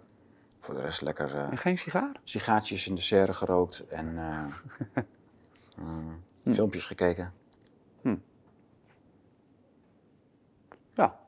En ik moet eerlijk zeggen. Daar waren we wel aan toe. Toch wel. Het leven wordt er ook wel een stuk makkelijker van. Ja, ja. ja ik, vind, ik blijf dat een moeilijke balans vinden. Tom. Werk en Wat- privé. Nou, nee, niet werk en privé, maar het, eh, ook de hoeveelheid waarin je je wil verdiepen in dingen en de hoeveelheid waarin je ook gewoon moet leven. Wat jij de laatste keer zei, vond ik heel mooi treffend. Je wil niet dat je kinderen laten zeggen van eh, die zure vader. van Ja. Dat. Ja. En ja, het is zo moeilijk om dat goed in balans te Dat op een houden. gegeven moment als je Twitter of Facebook weer opengooit, weet je, na een paar dagen, en dat je dan in één keer weer in die verstikkende depressieve deken van, van, van actualiteit en Janet Ossebaard en, en eh, weet ik het wat. En dan zijn iedereen is weer in rep en roer en ach man, en iedereen is weer controlled opposition. En je, je wordt er gewoon in één keer v- verlamt alles weer. En ah, dit, dit is echt niet goed joh, dit is niet... eh, je moet, je moet er echt wegblijven. Ook uit, uh, überhaupt die hele, dat hele wereldje is een gevaar aan het worden, vind ik. Ja. Een enorm groot gevaar. In welk opzicht? Nou, eh, eh, wat er ook gebeurt, er is niks meer, eh, niks meer toevallig, weet je. Alles is eh, satanisch, occult, bedacht, een plan. Ik bedoel, eh, de een die heeft allemaal speculaties over de dood van Janet Ossebaard. En, en, en wordt er een foto van haar gepost waar ze, volgens mij, even kijken, zo haar hand heeft, zoiets. En dat, oh, dat schijnt dan weer een vrijmetselaarssteed, dat is een M, dit. Ja. Weet ik veel. Ja, en kijk Tom, dan Ik- de M is de eerste letter van mijn naam. En dan... eh, Ja, jij, de- jij bent een Sjaak. Ja. Ja. Ja. En de T, is dat nog wat? Nee, die hebben ze bewust weggelaten. Ja, maar dan is dat is, dat is de, de bedoeling. Dat is Ja, de bedoeld, ja. ja. Ja. Heel erg. Nee, maar het is gewoon heel vervelend, weet je. En, maar dat is zo'n grote wereld aan het worden. Ik ben geboren in maart. Het begint met de M en het eindigt op het T. Eh, En jij ook nog Menno. Nou, ja, dit, Ja, je, je bent gewoon... eh, voor je geboorte was je al eh, eigenlijk... eh, ik heb nooit een eerlijke kans gehad. nee, je hebt geen kans gehad. Nee, dat is echt... eh, Ja. Dus dat arme mens, eh, ik bedoel, ze was depressief. En eh, om eerlijk te zijn, als je dat leven bekijkt en waar ze allemaal in, ge- in gevlogen en gefietst is. Ik kan er geen ongelijk geven. Eh, ze heeft helaas een einde aan haar leven gemaakt. Maar het feit dat ze dan weer zo op de foto staat, zo'n hand, en, of twee handen zelfs. ja. En dat iedereen dan weer roept dat ze stiekem vrijmetselaar is. En zo, ah joh, weet je, het mens was gewoon heel zielig. Een beetje de weg kwijt. En Wat ze, dacht dat de galaxies haar, ze, dacht, ze, zag, ze dacht echt dat de, de dag nabij was dat de galaxies contact met haar maakten en met haar praten. En op een gegeven moment wist ze gewoon van, dat gaat hem niet meer worden. En haar hele levensdoel was eh, ja, voorbij. Hm. En eh, ja, dan loopt ze met een eh, doos pillen het bos in en dan is ze weg. En iedereen speculeert op wat ze... Het, kan soms heel simpel zijn en je moet er niet, niet altijd achter alles heel veel zoeken. Oké. Ja. Ja, nee, dat, dat vind ik ook. Maar- Kijk, wat Schauberger ontdekte over water en waterlopen en zo, dat is allemaal heel interessant. Maar je kunt van moderne ingenieurs niet zeggen dat ze allemaal aan één groot plan meewerken om de natuur om zeep te helpen. Ja, het is gewoon een moderne technologie en die legt beslag op mensen en mensen gaan erin mee en die hebben dan technische begaafdheid en zetten hun talenten in, in dienst van die moderne technologie en gaan dan gekke dingen doen met rivieren en met ontbossing en met, eh, nu, nu weer in met de sloten. Ze bedoelen, Maar wat, de meeste uitvindingen, Tom, wat was ook alweer, eh, hoe heette die beste man, eh, Oppenheimer? ja, zo, zo iemand. Ja. Die heeft het ook met de beste bedoelingen uit bedacht. Mm. En eh, zijn laatste woorden waren geloof ik, eh, I have become death the destroyer of worlds of zo. Oh ja. Toch? Dat is Ja, toch ik heb geen eh, idee. Ik heb wel eens van de man gehoord, maar ik, dat zal ook wel zo iemand zijn. Dat is toch van de nucleaire bom? Ja, prima. Als jij dat, Kernfusie. als dat jouw perceptie is, dat hij dat is. dan, Ben ik nu helemaal in de war? ik dacht een, kunst, een kunstenaar was. Oh. In, in mijn perceptie was het een kunstenaar. Wat? Oké.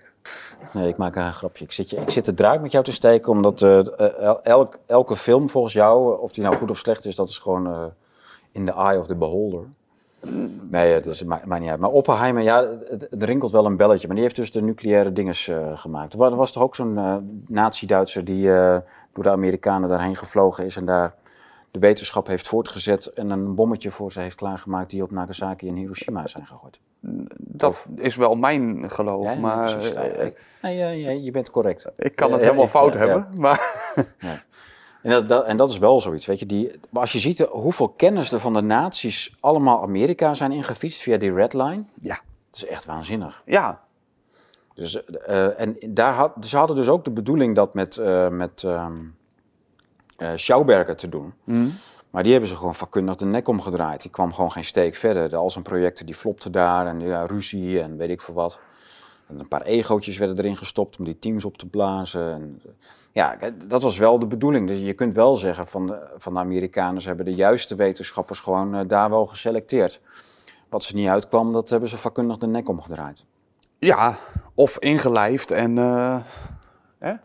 Ja, precies. Ja. ja. Ja. Ja, die Oppenheimer, ja. God, je had me even op het verkeerde been staan. Ja? Ik denk, nu heb ik iets heel geks gezegd, dacht ik. Maar ja. onzekerheid, hè? Daar vallen ja, we allemaal ten oh, prooi dan bakker ik dat ook nog eens aan bij jou. Ja. Wat, wat, eh, wat vreed van mij. Ja. Zonder dekblad. eh, Gaat hij een stuk beter? Nou, hij, hij gaat beter, ja. Het smaakt ietsje minder, maar het is nog steeds wel... Ja, proef je dat verschil Ja, direct? het is wat, ja. Ja, dekblad is een dekblad. Met, eh, Ja, maar ik had niet het idee dat deze nog heel veel deed. eh.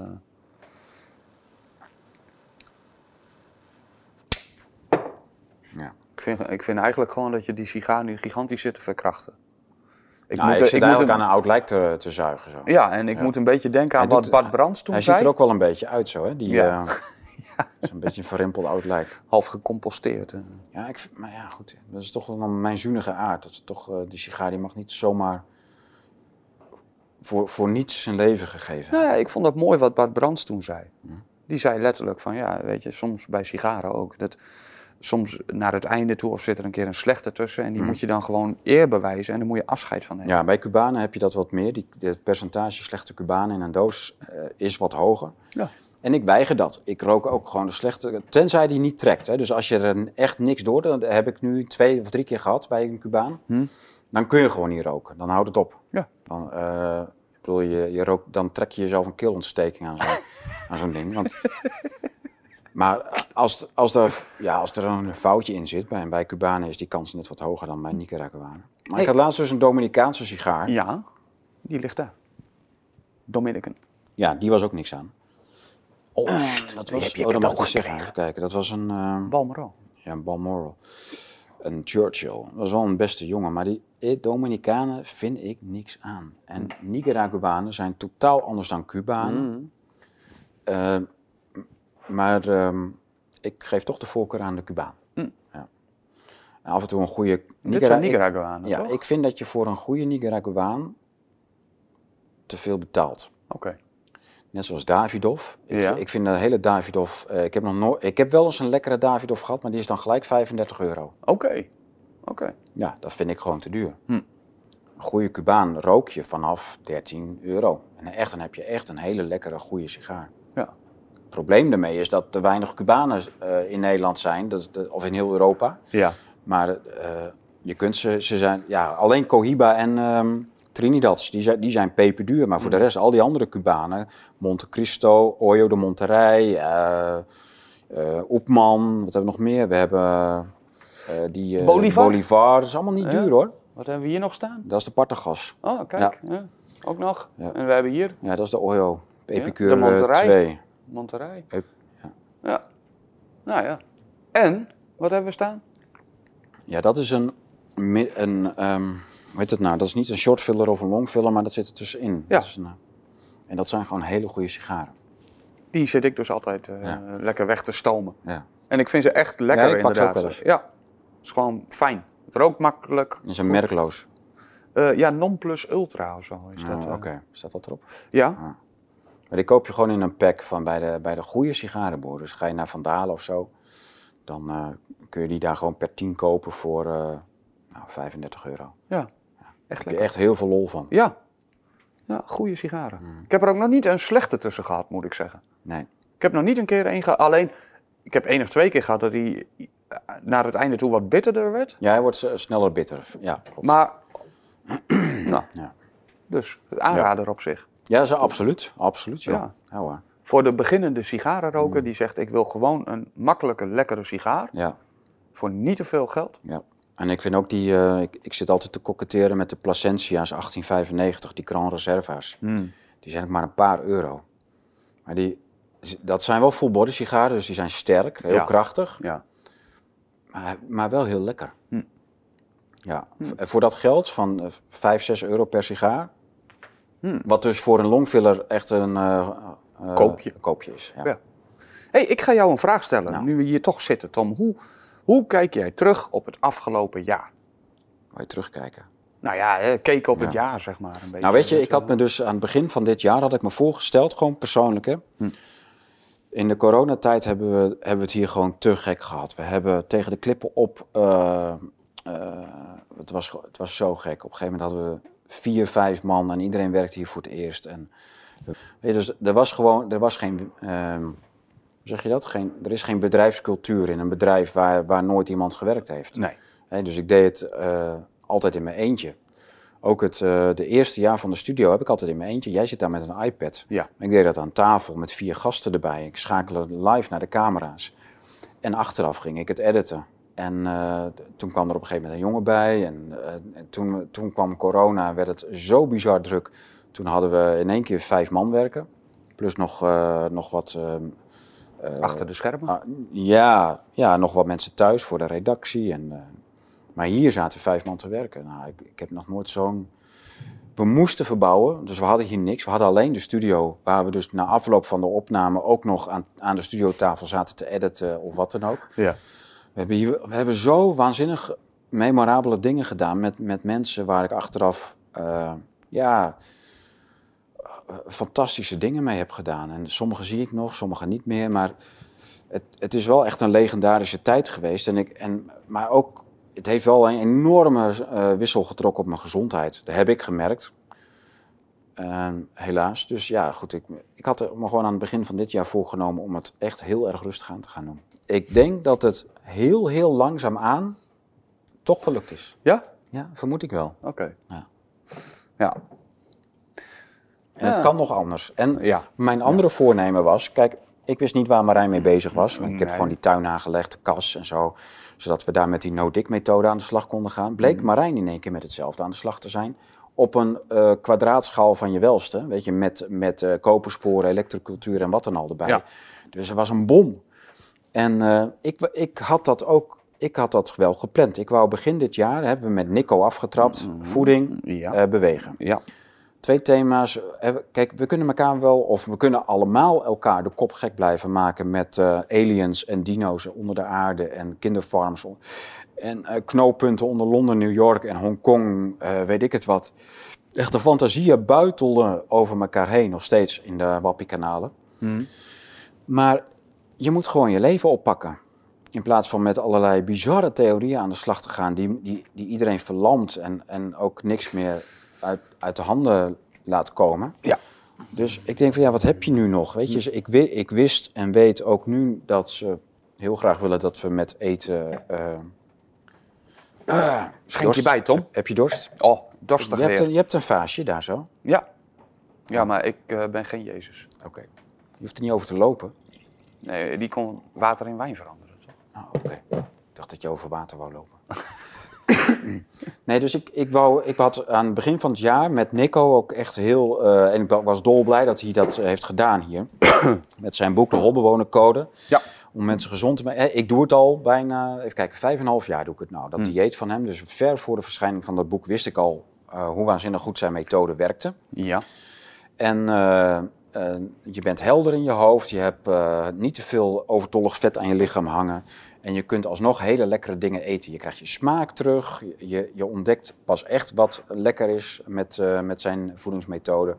Nou, hij heeft een eh, bewegingsprogramma. Goed, dat, dat is, eh, vind ik, vrij universeel. Zo van wat ik er tot nu toe van heb gezien. Dat is echt heel handzaam. Ja. Dat, maar het, je hebt ook niet heel veel zelfdiscipline nodig om het te doen. Dus dat eten wat hij, wat hij doet, je, je, hebt bij- bijna geen zelfdiscipline nodig. Je moet een paar dagen omschakelen op dat andere voedingspatroon. En dan gaat het gewoon vanzelf. Je hebt, je hebt geen omkijken meer. Als, je, als ik nu langs de kroket eh, en de frikandellen, hoe heet dat, zo'n cafetaria of zoiets? Ja, de. Febo. Vroeger ging ik voor de bel, dan rook ik dat en dacht ja, ik ga een kroketje halen. Ja. Ja, nu, eh, ik, het doet me helemaal niks meer, die geur. Dus eh, dat zijn hele belangrijke dingen. Dus we hadden voeding, bewegen, de tuin met de kas, jezelf je eigen eten gaan verbouwen, daar natuurlijk weer boeken en epox over gaan maken en eh, mensen, mensen op, die, op die manier op gang helpen. Van, dat vind ik een hele goede richting voor de Blauwe Tijger om, ehm, om in te slaan. Nog afgezien van de, van de filosofische klassiekers die we altijd doen, één of twee per jaar. Eh, een actueel boek, één of twee actuele boeken per jaar over een actueel thema. En af en toe is wel gewoon iets goeds wat voorbij komt. Bedoel, we krijgen allemaal elke week wel een manuscript over de vrijmetselarij en de illuminatie in de e-mail. En eh, dat hebben we nog nooit uitgegeven, geloof ik. Hè? Nee. Nee, nou, dus dan, eh, dan hoeft dat ook niet. Nee. Gaan we ook niet aan beginnen. Oké. Maar ehm, Is dat een tip aan de mensen van stuur ja, het niet op? hou maar op. En maar e- elke gepensioneerde die gaat na zijn pensioen een boek schrijven over Adam Weishaupt en de Illuminatie. En hoe, wij zo, hoe wij enorm de sjaak zijn ge- geraakt geworden vanwege de vrijmetselaars. Ja, die conclusie. Ja, maar heel vermoeiend, weet Ja. je. En, Dat we enorm de sjaak worden, dat, dat, Ja. dat zie ik dan nog wel. maar dan is de eh, vraag gewoon, wat kun je nog steeds zelf doen? Ja. En niet, eh, oh, laten we maar op de bank elkaar bang maken en boeken lezen en schrijven en uitgeven die eh, nog banger gaan maken. Nee, dat, eh, dat, dat heb ik nooit gedaan en dat wil ik ook niet. Nee. Maar ik wil wel steeds een meer praktischere kant op ehm, om, eh, om gewoon je ge- geest gezond te houden. En het leven leefbaar te houden. Nou, het moet om het leven zelf gaan. Ja. Ja. Ja. Klopt. Dus dat, eh, ja, goed, ik zit in eh, leuke appgroepen. Ik vind dat persoonlijk vind ik dat ook altijd een strijd hoor, Tom. Want om uit je hoofd en in het leven te staan. Mhm. Hè? En dat, dat is echt wel een. en, en waar, Ja. wat is de goede balans? Hè? En dat vond ik wel heel mooi aan dat verhaal van Nico ook. Dat het is niet een dieet of het is niet. Nee. Nee, het, het omvat wat dat betreft wel. het is echt een bevrijding. Nou ja, de, als je die nodig hebt, wel ja. ja. Ja. Dat vind nou, ik ik dan. vind eh, wel. Kijk, ja. eh, nee, ik, eh, ik had niet eens zo heel raar eigenlijk hoor, voordat ik aan zijn methode begon. Nee. nee. Nou ja, dan is de overstap ook al makkelijker, natuurlijk. Ja, maar ik was wel 95, 96 kilo en elk jaar een kilo erbij. Die kwam ook niet meer terug. Nee. Ik kon niet teruggaan. Nee. Dus hoe ik ook mijn best deed, dat was ook eh, was gewoon niet af te komen. Was, Nou ja, jij, was jij een dikketje? ja ik, had van, ik had orgaanvet, dus ik had zo'n hele harde, harde buik. Ik had geen lubbervet. Oké. Ja. Oh, ja. Ik had geen zwembandjes. Dus dat, eh, ja, een wonder wel, ge- verdween dat vet als, als sneeuw voor de zon. En, eh, een, beetje, eh, een beetje normaal eten plus gewoon wat wandelen of zo. En dat, het, het vloog er al af, die kilo's. ging heel snel. Ja. Ik was, we waren in, mei, in mei of juni waren we begonnen met het dieet. We gingen twee weken op vakantie in Hongarije met de kinderen. Een beetje rondgewandeld. Echt gewoon niet, niet heftig, hè? Gewoon een beetje sightseeing, wandelen. Nou, ik kwam terug, ik was 10 kilo, Ja, 12 kilo. eh. Heuveltjes. Ja, Ja. Dat helpt ook hoor. geslenter, heel veel witte wijn gedronken. Oh. Echt, eh, ging uitstekend. Hm. Ja, dat is een van de leukere vakanties. Oké. Ja. Maar Dus dat, ik, is, dat is het jaar, weet je. 23 was een beetje het omslag. Of misschien ook wel het jaar waarin de nieuwe agenda van de Blauwe Tijger gestalte heeft gekregen. Al met al zijn we toch wel weer best wel Mijn druk doel is dus, eh, we gaan niet de actualiteit schuwen. Dat, dat, eh, dat hoeft niet. Maar Nee. we gaan minder eh, mee in, die, in dat hele politieke. Weet je, dat, dat ja, maar dan we ga je in de waan van de dag. moeten bij de waan van de barber. Ja. Dat is beter. Maar het is wel, dat zie ik dus wel steeds meer om me heen gebeuren. Is dat mensen echt alle kanten opgetrokken worden. En ja, waar wij het natuurlijk altijd over hebben, is, is, is gronding. Hè? Die, die wortels. En dat vind ik wel heel mooi. Ik moet zeggen, het is wat mij betreft best wel een... eh, ik, ik had een ander jaar in gedachten. Ja? Ja, dan had ik, wel, ik had het wel anders ingeschat. Want ik denk toch ook wel weer dat er best wel veel dingen bijgekomen zijn die niet helemaal gepland waren, zeg maar. Ja, dat heb je altijd. Ja. Ja. En, Kees van der Pijl kwam met een schitterend boek over Nou, Oekraïne. Dat was toch wel vrij abrupt eigenlijk. Ineens had hij het. ja, En, eh, of ik was vergeten dat hij eraan werkte en in één keer had hij het af. En dan is het ook gewoon in één keer een heel, heel fantastisch boek. ja. Dus eh, dat hadden we natuurlijk. En wat hebben we nog meer voor onverwachts gehad? Nou ja, eh, ik denk dat het hele tuingedoe... Ja, dat was wel gepland, maar, als, Ja. maar dat hele deel van Marijn kwam erbij. Met de, Precies. met de greenbox en Ja. met eh, Nou, en daar Ja. hebben wij toch ook wel eh, serieus een hoeveelheid werk in eh, gedaan, eh, zeg maar. Ja. Ehm, we hebben parelmoer erbij. Oh ja. Ja, dat was eigenlijk ook... eh, wat, wanneer was dat idee ontstaan? Ja, toch in, in maart of zo. Eh, Precies. Ja. Dus dat is allemaal wel in de loop van dit Ja. jaar is dat er wel weer bij opgekomen. Hè? Dus ja. eh, en ook met die tuin hebben we echt wel flinke stappen gezet. Eh, we, Echt hebben, wel. eh, Ja. we hebben er wel even Ja, aan geshort, zeg We maar. hebben onszelf alweer gek gemaakt. Ja, Ja, ja. Als, je, ja, als de complottheorieën ons niet gek maken, dan doen we het zelf wel. ja. En we hebben natuurlijk eh, ook gewoon in de actualiteiten eh, hebben we best wel een heel bewogen jaar gehad. Ga je met vakantie? Ga je nog weg? Nee joh, al geen tijd. Oké. Oh, Nee, is wel, is wel genoeg te doen. Want eh, ik heb dus nu eh, genoeg materiaal voor twee nummers van Epoch. Had ik niet gedacht, maar we hebben, we Oh. hebben het in één keer. Oké.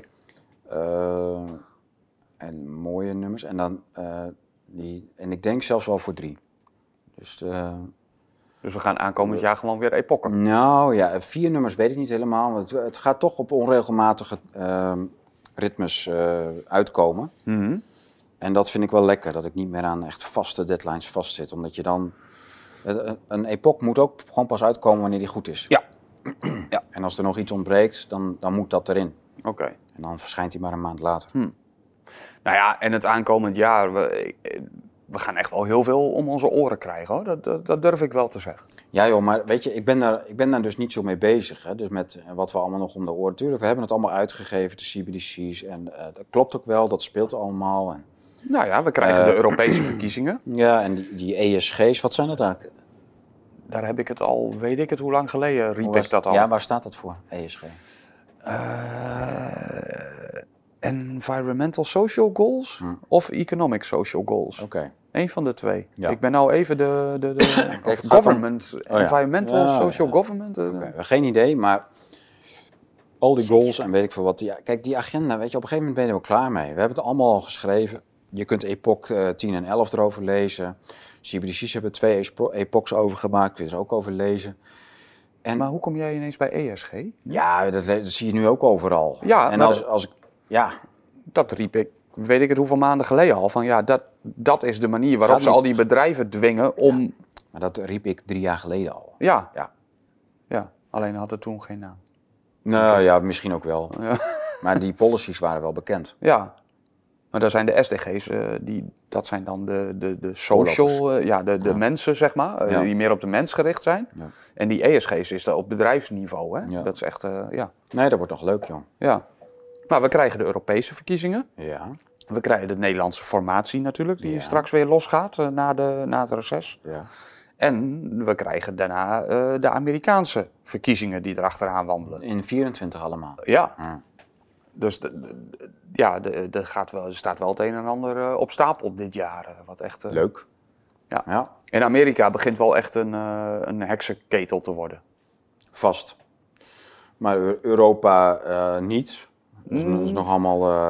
ja, weet je, het rommelt. Dat zou je nou kunnen zeggen. In Duitsland rommelt het. In eh, Nederland rommelt het. Maar ik zie nou nog niet echt een, eh, een groot ontwakend bewustzijn. Of, Nou, of de een, eh, vertaling van de Italiaanse verkiezingen, van wat ja, er in. Duitsland op stapel staat, wat er in een, Nederland eh, gebeurd is, dat moet zich nu gaan vertalen naar de Europese verkiezingen. Hmm. En ik ben heel benieuwd, want ik heb namelijk ook het gevoel, Tom, dat een hele hoop mensen zich daar nooit mee bezig hebben gehouden. Dat heel veel mensen ook gewoon niet stemden. De opkomst voor die verkiezingen is gigantisch laag. Mhm. En ik heb het idee dat er, en dan ga ik het even zo, binnen onze bubbel, ik weet niet of ik dat goed moet zeggen of niet, maar dat die mensen wel een je beetje... moet het wel goed zeggen, maar heb je het ook goed gezegd? Ja, Oké, goed zo. eh, ja. Maar dat er, oké, laat ik het zo zeggen, dat er in de rechtsere hoek, dat mensen wakker aan het worden zijn en zoiets hebben, ik moet gaan stemmen daarvoor. Hmm. En je zou dus wel eens een gigantische landverschuiving naar rechts kunnen zien. Want het linkse publiek, Hopelijk, wat ja. Al stemde, die hebben altijd de toon gezet. Dat zijn er niet meer geworden. Oké. En we zien een verschuiving binnen de politiek van links naar rechts. Ja. En de rechtse mensen zijn nu ook wakkerder aan het worden voor wat er Europees allemaal gebeurt. Ja. En dat ze ook daar aan de bel gaan trekken. Dus het zou mij niet verbazen als we echt wel een grote landverschuiving gaan zien daarin. Hmm. Nou, dan ben ik heel benieuwd of dat ook consequenties gaat hebben. Ja. Ja, nee, eh, eh, dat kan. Maar dat zullen we dan wel weer, eh, als er wat gebeurt, dan zullen we dat wel weer lekker aan de waanzin barren. Actualiteit blijft actualiteit. Ja, Ik heb me er eigenlijk nog helemaal niet zo mee bezig gehouden wat er allemaal op ons afkomt volgend jaar. oké.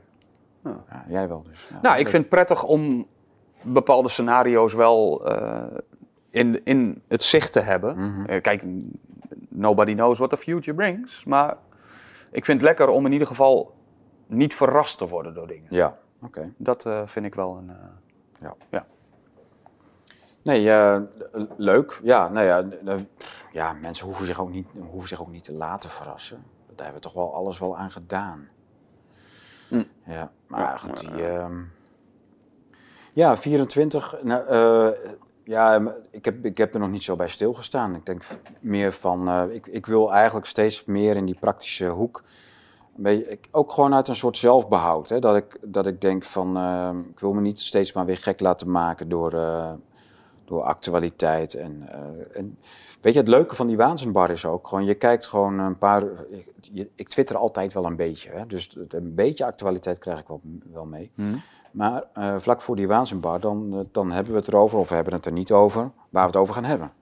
En dan, dan komt het toch wel alle- alles voorbij wat er gebeurd is, zonder dat je heel erg eh, gefocust bent de hele week over wat er allemaal gebeurt en wat er de komende weken gaat gebeuren en zo.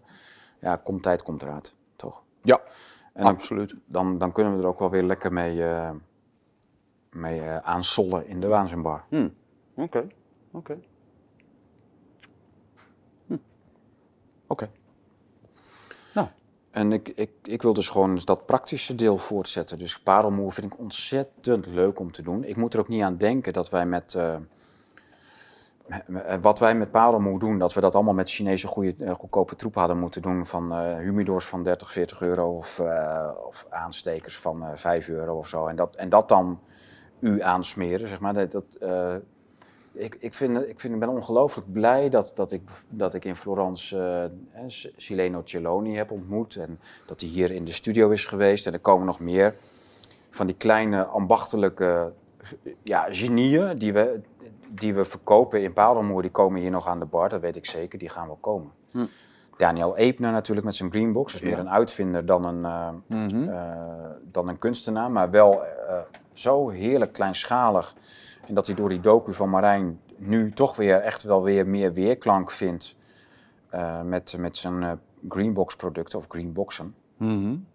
Dat vind ik geweldig. En die man die gaat ook maar gewoon door, weet je. Die, al het geld wat hij eraan eh, krijgt, wat niet eens zo heel veel is, want het, de fabrikant, het is gewoon een heel duur product om te maken. Oké. Maar de, hij krijgt er natuurlijk een deel van en dat gaat allemaal direct in nieuw onderzoek. Hij is nu met, echt met, met een bepaald folie bezig, om, eh, zodat boeren hun zaden eh, heel massaal kunnen kiemen op zo'n, eh, in zo'n spanningsveld. Ja, Zo, ja, ja, spanningsveld. Een elektrisch, elektrostatisch. elektrostatisch veld. Ja? Ja, ja, statisch E-veld. Ja. Ehm, en die, man die gaat ook maar door, weet je. Die, die hoeft ook niet, maar die doet het wel. Ja.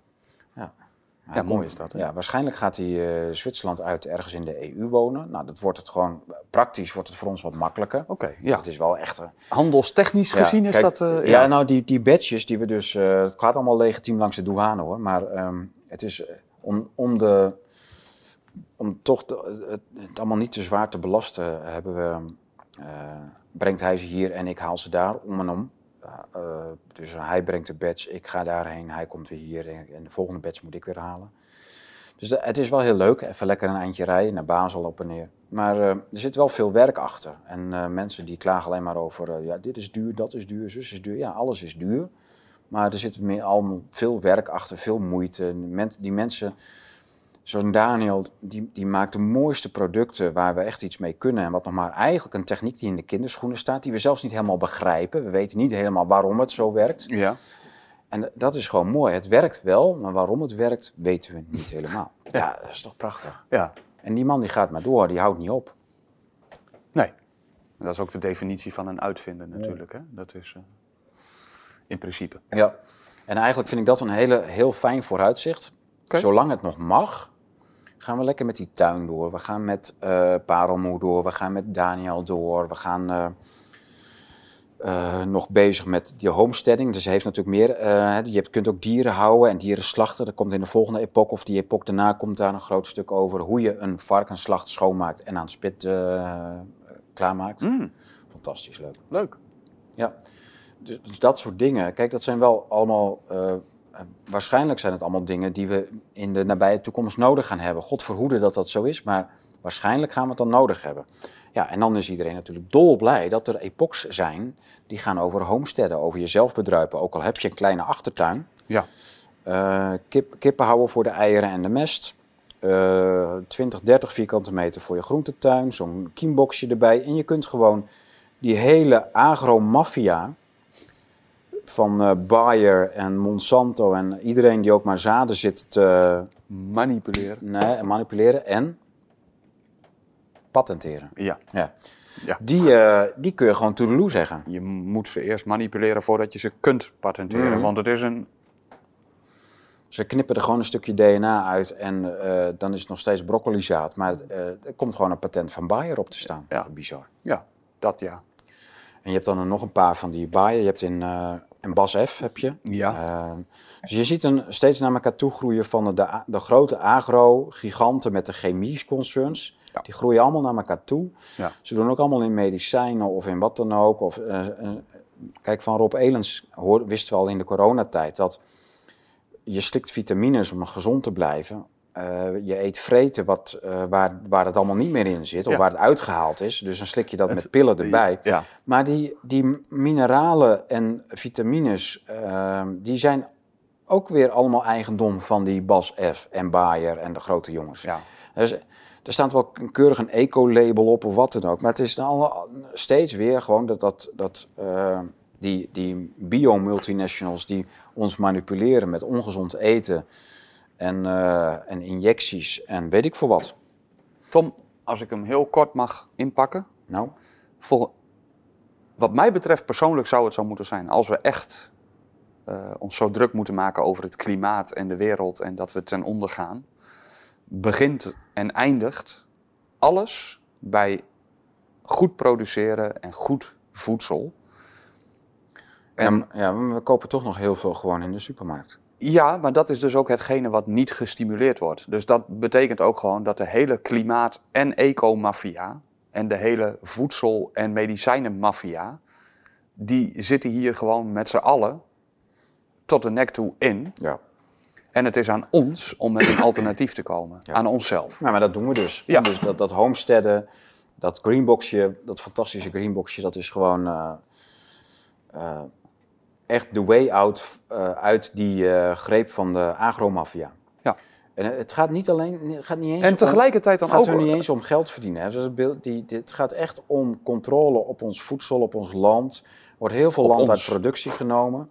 Ja, op ons. Maar eh, er er wordt heel veel agrarisch land uit productie genomen in Amerika, in Europa.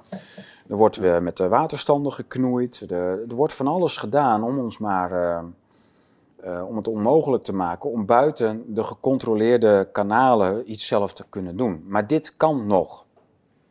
Dehumanisatie. Oké, Sorry.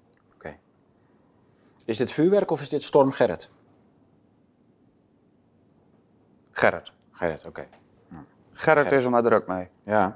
Ik moet is, toevallig eh, nog bij Gerrit lang straks. Goed dat je het zegt. Hiemstra? Nee, een kennis van mij. Nee, want die eh, man is dus met pensioen gegaan. En toen hebben ze als eerbetoon, heeft het eh, KNMI heeft, eh, verzoek ingediend om de, een storm naar Gerrit te gaan vernoemen. Dat is in augustus al ingepland en hij was dus nu pas aan de beurt. Ja.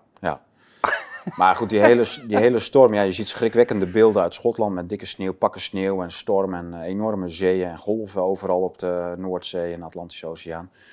Maar die man heeft natuurlijk veel meer schade aangericht dan, eh, dan die hele storm van hem. Dat is waanzinnig. Weet je waar hè? ik nu zo van baal? Nou, Nou, het is bijna oud en nieuw. En ik heb een hele leuke dag gepland. En we krijgen 17 mm regen. maar je gaat toch niet buiten iets plannen? Jawel. Vroeger was met oud en nieuw gewoon altijd mooi winterweer. Nou, nee hoor. Gelukkig, ik heb een overkapping. En ik heb- oké. Dus het komt allemaal wel goed. Maar... Ja, ga je een feestje doen? Nou, ik denk we doen een leuke winterbarbecue. Leuk. Ja. Ja. En eh, de gezelligheid met de familie en elkaar en vrienden. En En hoeveel man eh, had je gerekend dan? ja, een man of 10, 12. Nou, ik heb nog geen uitnodiging gehad. Vind je het zo erg om eh, maar de- de chef erbij te hebben? Als Nee, dat, nee, dat vind ik niet heel erg, maar jij bent niet alleen. En ik neem aan dat jij ook iets met je gezin wilt doen. Eh, ja. Ja, weet ik niet. Nou, wij hebben hier natuurlijk altijd het mooiste uitzicht qua eh, vuurwerk. Hè? Op de Dus- stad, hè? ja, op de stad. Maar Ja. je hebt eh, vaak als het helder weer is, dan binnen een, binnen een kwartier nadat al dat vuurwerk eh, de lucht in is geschoten, zie je nergens meer iets. Maar als het dan nog wel helder weer is en het is 12 uur, dan zie je gewoon die hele omtrek. Want je kunt hier 15 kilometer rondom ver kijken. Hmm. Ja, je ziet elk dorp zie je knallen, de stad zie je knallen. Het is echt fabelachtig. Ja. Het is ontzettend mooi. Ja, En dan in één keer zie je dan die damp zo uit die stad zo omhoog trekken zo, en al die dorpen ook. En dan wordt, komt het hoger en hoger en nog heel af en toe komt er dan zo'n pieuw, pieuw, zo'n Ja. pijltje bovenuit. En op een gegeven moment is dat ook weg en dan zie je helemaal niks meer. nee, hè? Ja. Ah, geweldig. Ja. En Ja, is er- ik vind dan het komt er zo'n prachtig. hele, hele dikke mist. Van, mooi, lekker, lekker knallen en stoken. Ik hoorde al wel vandaag van een eh, vuurwerkleverancier dat het allemaal wel heel moeilijk is. Het schijnt dat er slecht geleverd wordt met vuurwerk. Ach, het zal ook niet. Ja. Hebben ze weer wat eh, geflikt? Ja, Hebben ze weer wat in de pijplijn? Een plan? ja tuurlijk. Ze zijn eh, nog steeds aan het stoeien met al die regulaties en dat soort dingen. Dus leveranciers zijn een beetje schrikachtig om te veel op voorraad te hebben. Hoezo? Want als je ermee blijft zitten, moet je het laten vernietigen. Ja, maar de, de- het is nu toch wel bekend waar je wel en niet mag afsteken. Ja, nou ja, ik weet, dat is wat hij tegen me zei. Maar, In het midden van het land zijn er een paar gemeentes die het verboden hebben. Maar volgens mij alles boven... Zwolle komt daar volgend jaar bij. Dus, maar maar eh, dat is in heel Noord-Nederland. In de bovenste helft van Nederland is het ja, maar wij weten natuurlijk niet eh, de regulaties naar de leveranciers toe. Dus als ze bijvoorbeeld te veel voorraad hebben, dat ze dat per se moeten vernietigen of iets dergelijks. Na afloop. Ja, Oh, dat mag je niet bewaren. eh, precies. Deze dat alsnog dan? eh, nou ja, Dat mocht toch eh, sowieso niet? Iets met Enschede? Ja, nee, maar dat, dat mocht toch al niet meer? Ja, dat, weet ik dus niet. Ik weet niet hoe die Ja, regulaties die, zijn. Maar... die laagste klasse vuurwerk, die mag je het hele jaar door verkopen. Ja, maar dat zijn de trektouwtjes en de sterretjes. Ja. Ja. ja. Ja. Maar dat is natuurlijk niet wat wij... eh, Nou, ja, nee. Nee, voor het betere werk moet je ergens anders eh, heen. Ja. Ik hoor heel veel vrienden van mij die allemaal naar Polen en België gaan om vuurwerk te halen. Frankrijk. Steeds meer. Ik heb dat nog nooit meegemaakt, dat er zoveel mensen gewoon die grens overrijden om vuurwerk op te halen. Ja. En dat is, dat is natuurlijk gewoon de keerzijde ervan. Eh, in Polen kun je, zelfs in Duitsland, maar zo- in Polen en België helemaal, je kunt gewoon eh, nitraten halen in België. Het schijnt, weet ik veel. ja. Ik heb het niet, maar eh, ja, klopt. ik hoor dat. En wat je dus ook steeds vaker hoort, is dat dat al eh, in april, mei, juni, juli gebeurt. Mhm. Want als je het namelijk in een van de laatste twee, drie maanden doet, dan worden de controles... eh, Oh ja, precies. ja, Ja, dan ja. gaan ze grenzen Dus- in één keer wel controleren. Ja, en je ziet nu dus- Corona, grenzen dicht. Vuurwerk, grenzen dicht. Ja. Ja, Ja. Maar het, wat ik, ik hoorde van een vuurwerkhandelaar uit Duitsland, dat is een Nederlander, die heeft een bedrijf in Duitsland. En die zei dus letterlijk van, ja kijk, in Frankrijk kun je het hele jaar gewoon 100.000 klappers kopen. Leuk. Ja, en hij mag ze niet verkopen. Hmm. Behalve aan eh bedrijf, professionals. Maar wel eh, bij in Frankrijk gewoon aan particulieren. Ja, Ja. kun je ze gewoon kopen. Ja, nou ja, Polen dus ook. eh, Tsjechië, weet ik wel. Ja, bij Ja. de Vleet, weet je. Dus, eh, Ja, ja. Nou ja, het, het, och. we hebben weer een aanslag gehad in Praag natuurlijk. Daar weet ik nog niet heel veel van. Dus zo in het nieuwe jaar Ik misschien eens er een keer wat mee doen. Nou ja, die jongen die heeft op de filosofiefaculteit om zich heen geschoten. Ik heb iets voorbij horen komen, maar de, de- dat Als is ook letterlijk het enige. Als je een gemiddelde hoogleraar aan eender welke filosofiefaculteit in het Westen eh, college wordt gegeven, denk je ook van, eh, dit is al terreur, weet je, dit is, dit is, dit is echt al verschrikkelijk. Ja. maar goed, eh, dan schiet er eentje met scherp om zich heen en dan is het in één keer wereldnieuws. Maar was een leerling. Of- Ja, een student volgens mij. Ja, Ja, ja. Maar ik weet er nog niet zoveel van. Maar het is wel eh, leuk, al die shootings. Kijk, in Tsjechië is natuurlijk best wel vrij eh, met, met wapenverkoop. Je kunt makkelijk aan wapens komen. Voor hetzelfde geld, ik weet niet wat voor regering daar nu zit, eh, is de, is de, wordt er weer gewoon een streek geflikt dat ze met dat soort precedenten wetten voor gun control willen introduceren. Dat in één keer de wapenhandel daar op slot gaat. Ja, ja. Dat, eh, dat zou heel goed kunnen. Ik vind, het, ik vind dat een lastig punt, ja. Ja, ja. Ik, ik vraag me... De, nou, vandaar... En dit is ook weer een punt waarom ik zeg dat die Europese verkiezingen zo belangrijk gaan zijn. Want ook dit... In dit opzicht zou ik persoonlijk... eh, zou ik liever hebben dat wij meer Amerika achterna gaan. Ja, je moet een second amendment hebben. Ja, Al is het maar om je te verdedigen tegen die eh, overheid. Eh, ja, ja. Big money, big government, big business, big Precies. alles. En ja, dan heb je gewoon een big gun Wij zijn, nodig. Een, wij zijn een weerloze bevolking. Ja, Ja. let- letterlijk. Nou, ik hoor mensen echt wel van links tot rechts, tot ook hele nette, bangigere middenmensen, middensegment die niet links of rechts willen zijn en altijd netjes een krant lezen en zo. Ik hoor steeds, wel, steeds meer onvrede. Hmm. En eh, dat het systeem gewoon op zijn laatste benen draait. Dat, het, eh, dat iedereen nu zodanig te grazen wordt genomen door het systeem dat, het eigenlijk, dat niemand het meer leuk vindt.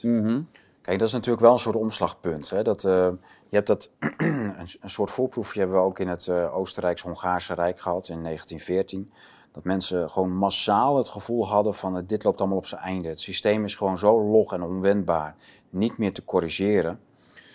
Dat, het, eh, dat, dat er, eh, ja, er moet iets gebeuren om dat allemaal, eh, om dat te boven te komen. En, Mag eh, ik een vergelijking maken? Nou, Nou, ik zie, het, eh, ik zie het eigenlijk als een soort kanker. En als je er vroeg bij bent, dan kun je het misschien stoppen. Maar we zijn te laat en het is gewoon uitgezaaid. En Ja. ja, Nee, maar het omslagpunt is natuurlijk eh, wanneer niet alleen maar eh, aan de flanken eh, mensen wakker zijn, maar dat die grote schaapskudde in het midden ook, eh, ook begint door te krijgen van hé, hey, eh, dit, dit is gewoon. ja maar eh, dan is het al uitgezaaid. ja, kanker. Ja, weet je, een, een vergelijking is leuk, maar dat, is, dat gaat op tot een bepaalde hoogte. Ja, nee, zeker. maar de- dan, je hebt, ehm, Maar ik- ja. je hebt wel ehm, een soort ontwaken nodig natuurlijk. En dan nog is het de vraag van, kan men van onderaf dit allemaal stoppen? Is, is, dit, is dit stoppen met een democratie of, een, of met een verkiezing of met een verkiezingsuitslag? Of, en, en ik heb daar mijn twijfels bij, ik weet dat niet. Ik denk, ik denk niet dat dat mogelijk is. En, en ik- om dat ik hele dilemma, weet je, we, we hebben dat al zo vaak besproken gaan wij met de blauwe tijger gewoon lekker praktisch aan de slag. En uit dat hele doemscenario van kunnen we het wel als bijsturen, kunnen we het niet bijsturen, wat gaat er nog meer gebeuren? Joh, we, we weten het toch allemaal wel. We weten toch wel allemaal dat het, dan, dat, dat het niet beter gaat worden uit zichzelf. Dus eh, ja, red jezelf.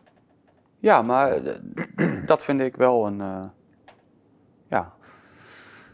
Ik vind dat een. Ik denk dus letterlijk dat we op een niveau zitten nu. Dat het niet meer. Het is niet meer zelf corrigeerbaar. Er zullen echt dingen maar wezenlijk dat moeten zal natuurlijk veranderen. al heel lang niet meer. Nee, eh, Nee, dat is al heel lang niet meer Nee, zo. maar daarom zeg ik het ook. Het is, het is zover uitgezaaid gewoon dat, dat daadwerkelijk. En ik zeg niet dat je dan al je instituties en instellingen en dingen maar weg moet gooien. Maar het zal wel echt opnieuw opgebouwd moeten worden. Ja, Ja, ja dat, hoe triest het ook is, maar dat is wel mijn. eh, ja. Maar soms moet er iets sterven om iets mooiers eh, daarvoor Weet in de niet. plaats te laten hoeft, komen. Er hoeft helemaal niet iets te sterven. Ik, ik, eh, er- kan van alles gebeuren. Maar het idee dat wij dat gewoon even bijsturen... of dat ik dat doe aan de, aan, met, eh, met de Aan de studio... of waanzinbar.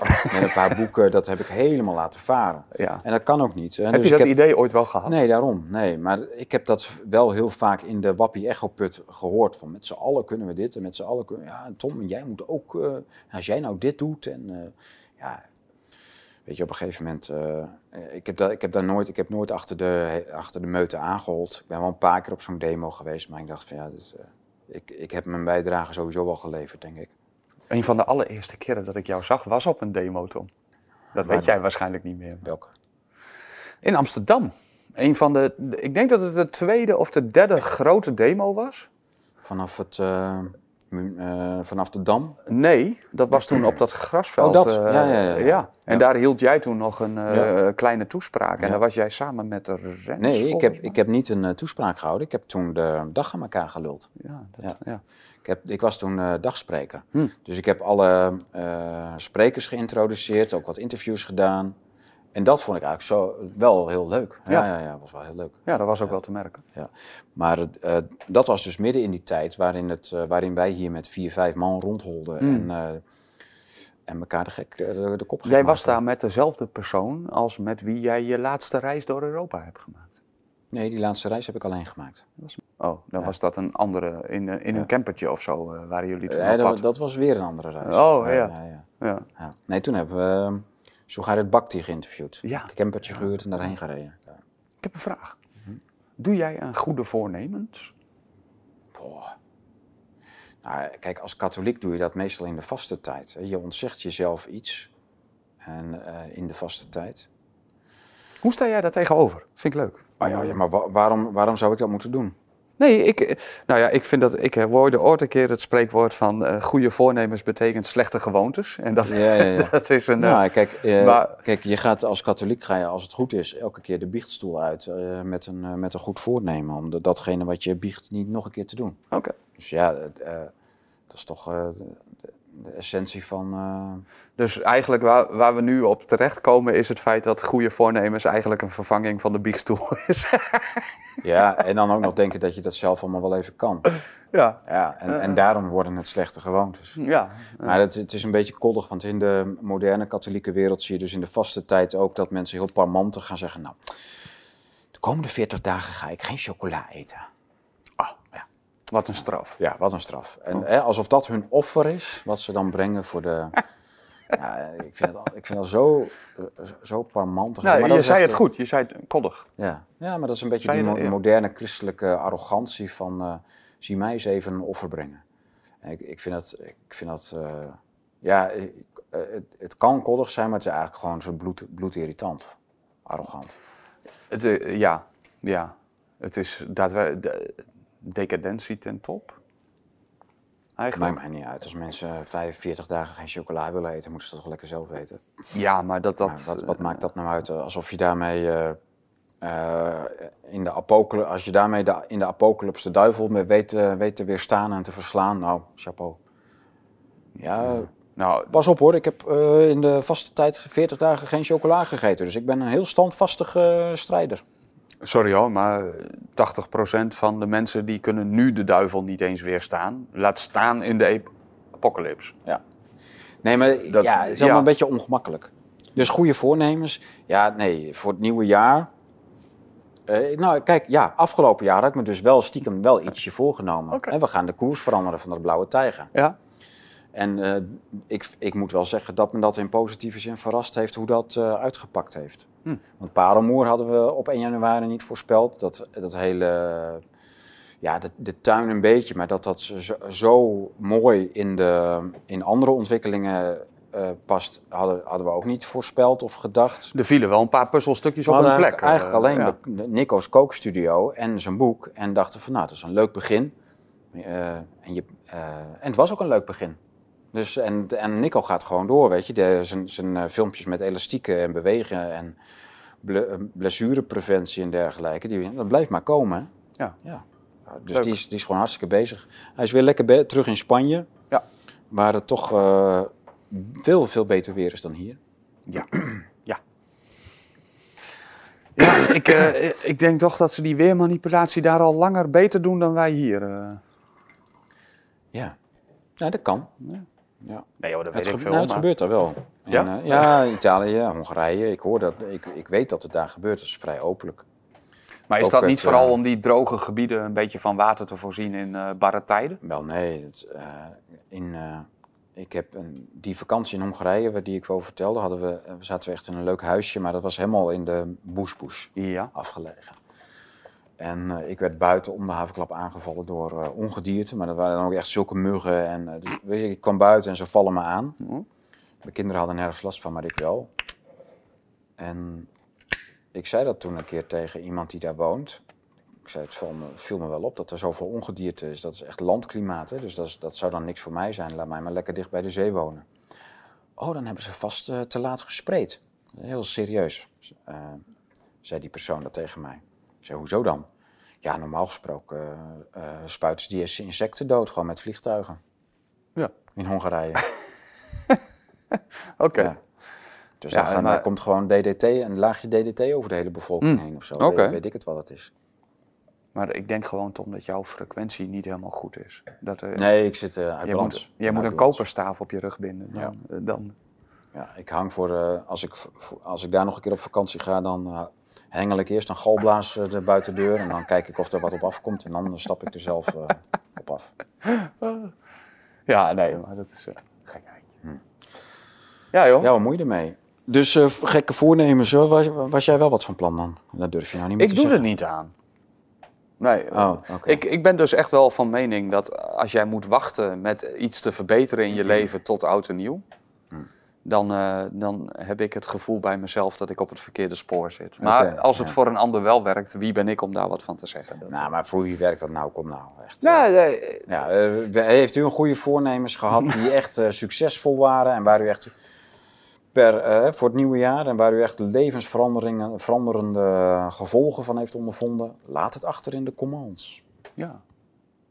Ik, ben, ik, zit, ik heb het een aantal jaren wel gedaan en ik heb er ook wel wat aan gehad. Oké, En ik zit nu op een punt dat ik zeg van ja, als ik daarop moet wachten, dan doe ik het verkeerd. ja, gewoon zeg gelijk doen. Ja. Ja. Dus dat is mijn eh, persoonlijke. Ja. Maar eh, ik heb heel veel zin in het nieuwe jaar. Ik, ben ook, ik vind het wel een lekker gevoel dat we ook dit jaar weer af kunnen sluiten. Het heeft voor mij persoonlijk, eh, in mijn persoonlijke leven zijn er een aantal hele grote dingen echt veranderd. En eh, nou ja, één daarvan is dat ik eh, hier eh, natuurlijk enigszins geïntegreerd ben. Nou, maar je bent al langer dan eh, drie- 2023 hier. Maar ik ben hier dit jaar, ben ik hier officieel helemaal in dienst gekomen Oké, natuurlijk. Is dat dit jaar, niet vorig jaar? In maart. als het goed is. is mijn... Ik dacht toch al veel langer. Nou ja, goed. nou, toen had ik nog twee banen. Ja, ja. En, Ja. ja. Moesten we je nog delen. Ja, dat klopt. Ja.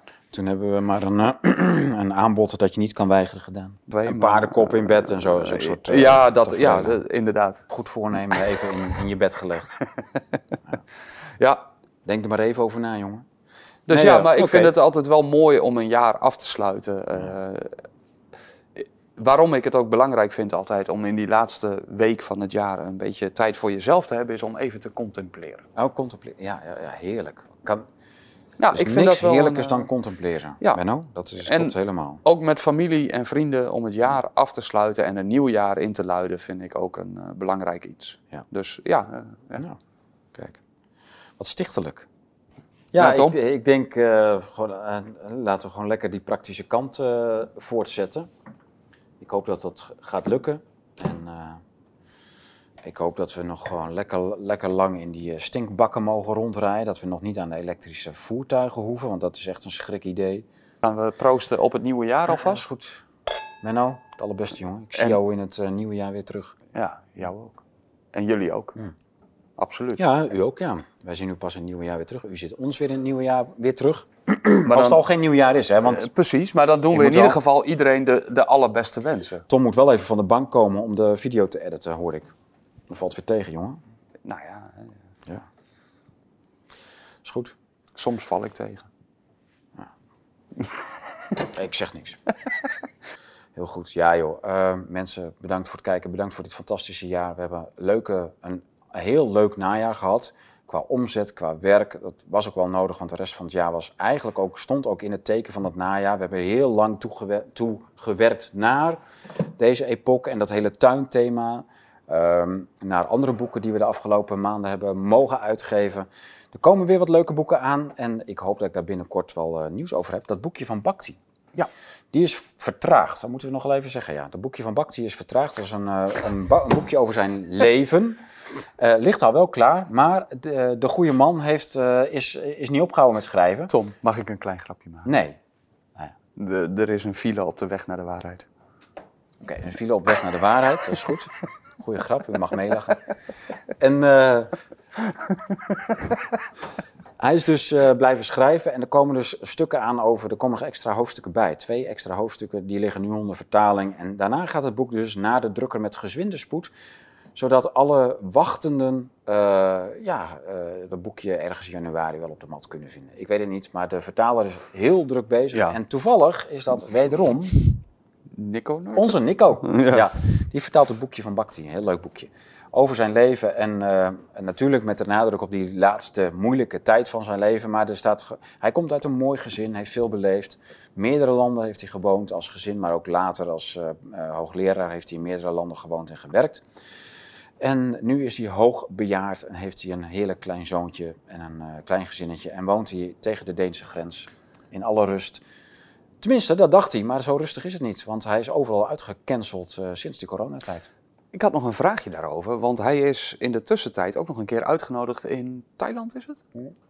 Eh, om daar met de regering, koning, wat hebben Ja, ze ja, daar? nou ja, in Thailand is hij is natuurlijk een Thai. Ja. En in de Thaise, eh, door de Thaise regering is die, heeft hij wel weer een belangrijke functie. Een adviseur of zoiets. Nou, en heeft, Ja. nou was mijn vraag, misschien weet jij dat, misschien ook niet, heeft hij dat ook beschreven in het boekje? Weet ik niet. Oké. Nee, Nou, ik heb de dat vertaling nog niet Zouden we aan Nico moeten Dan vragen? moeten we aan Nico vragen. Oké. Als, Dan- Nico weer in, als Nico weer in het land is, dan vragen we dat aan Nico.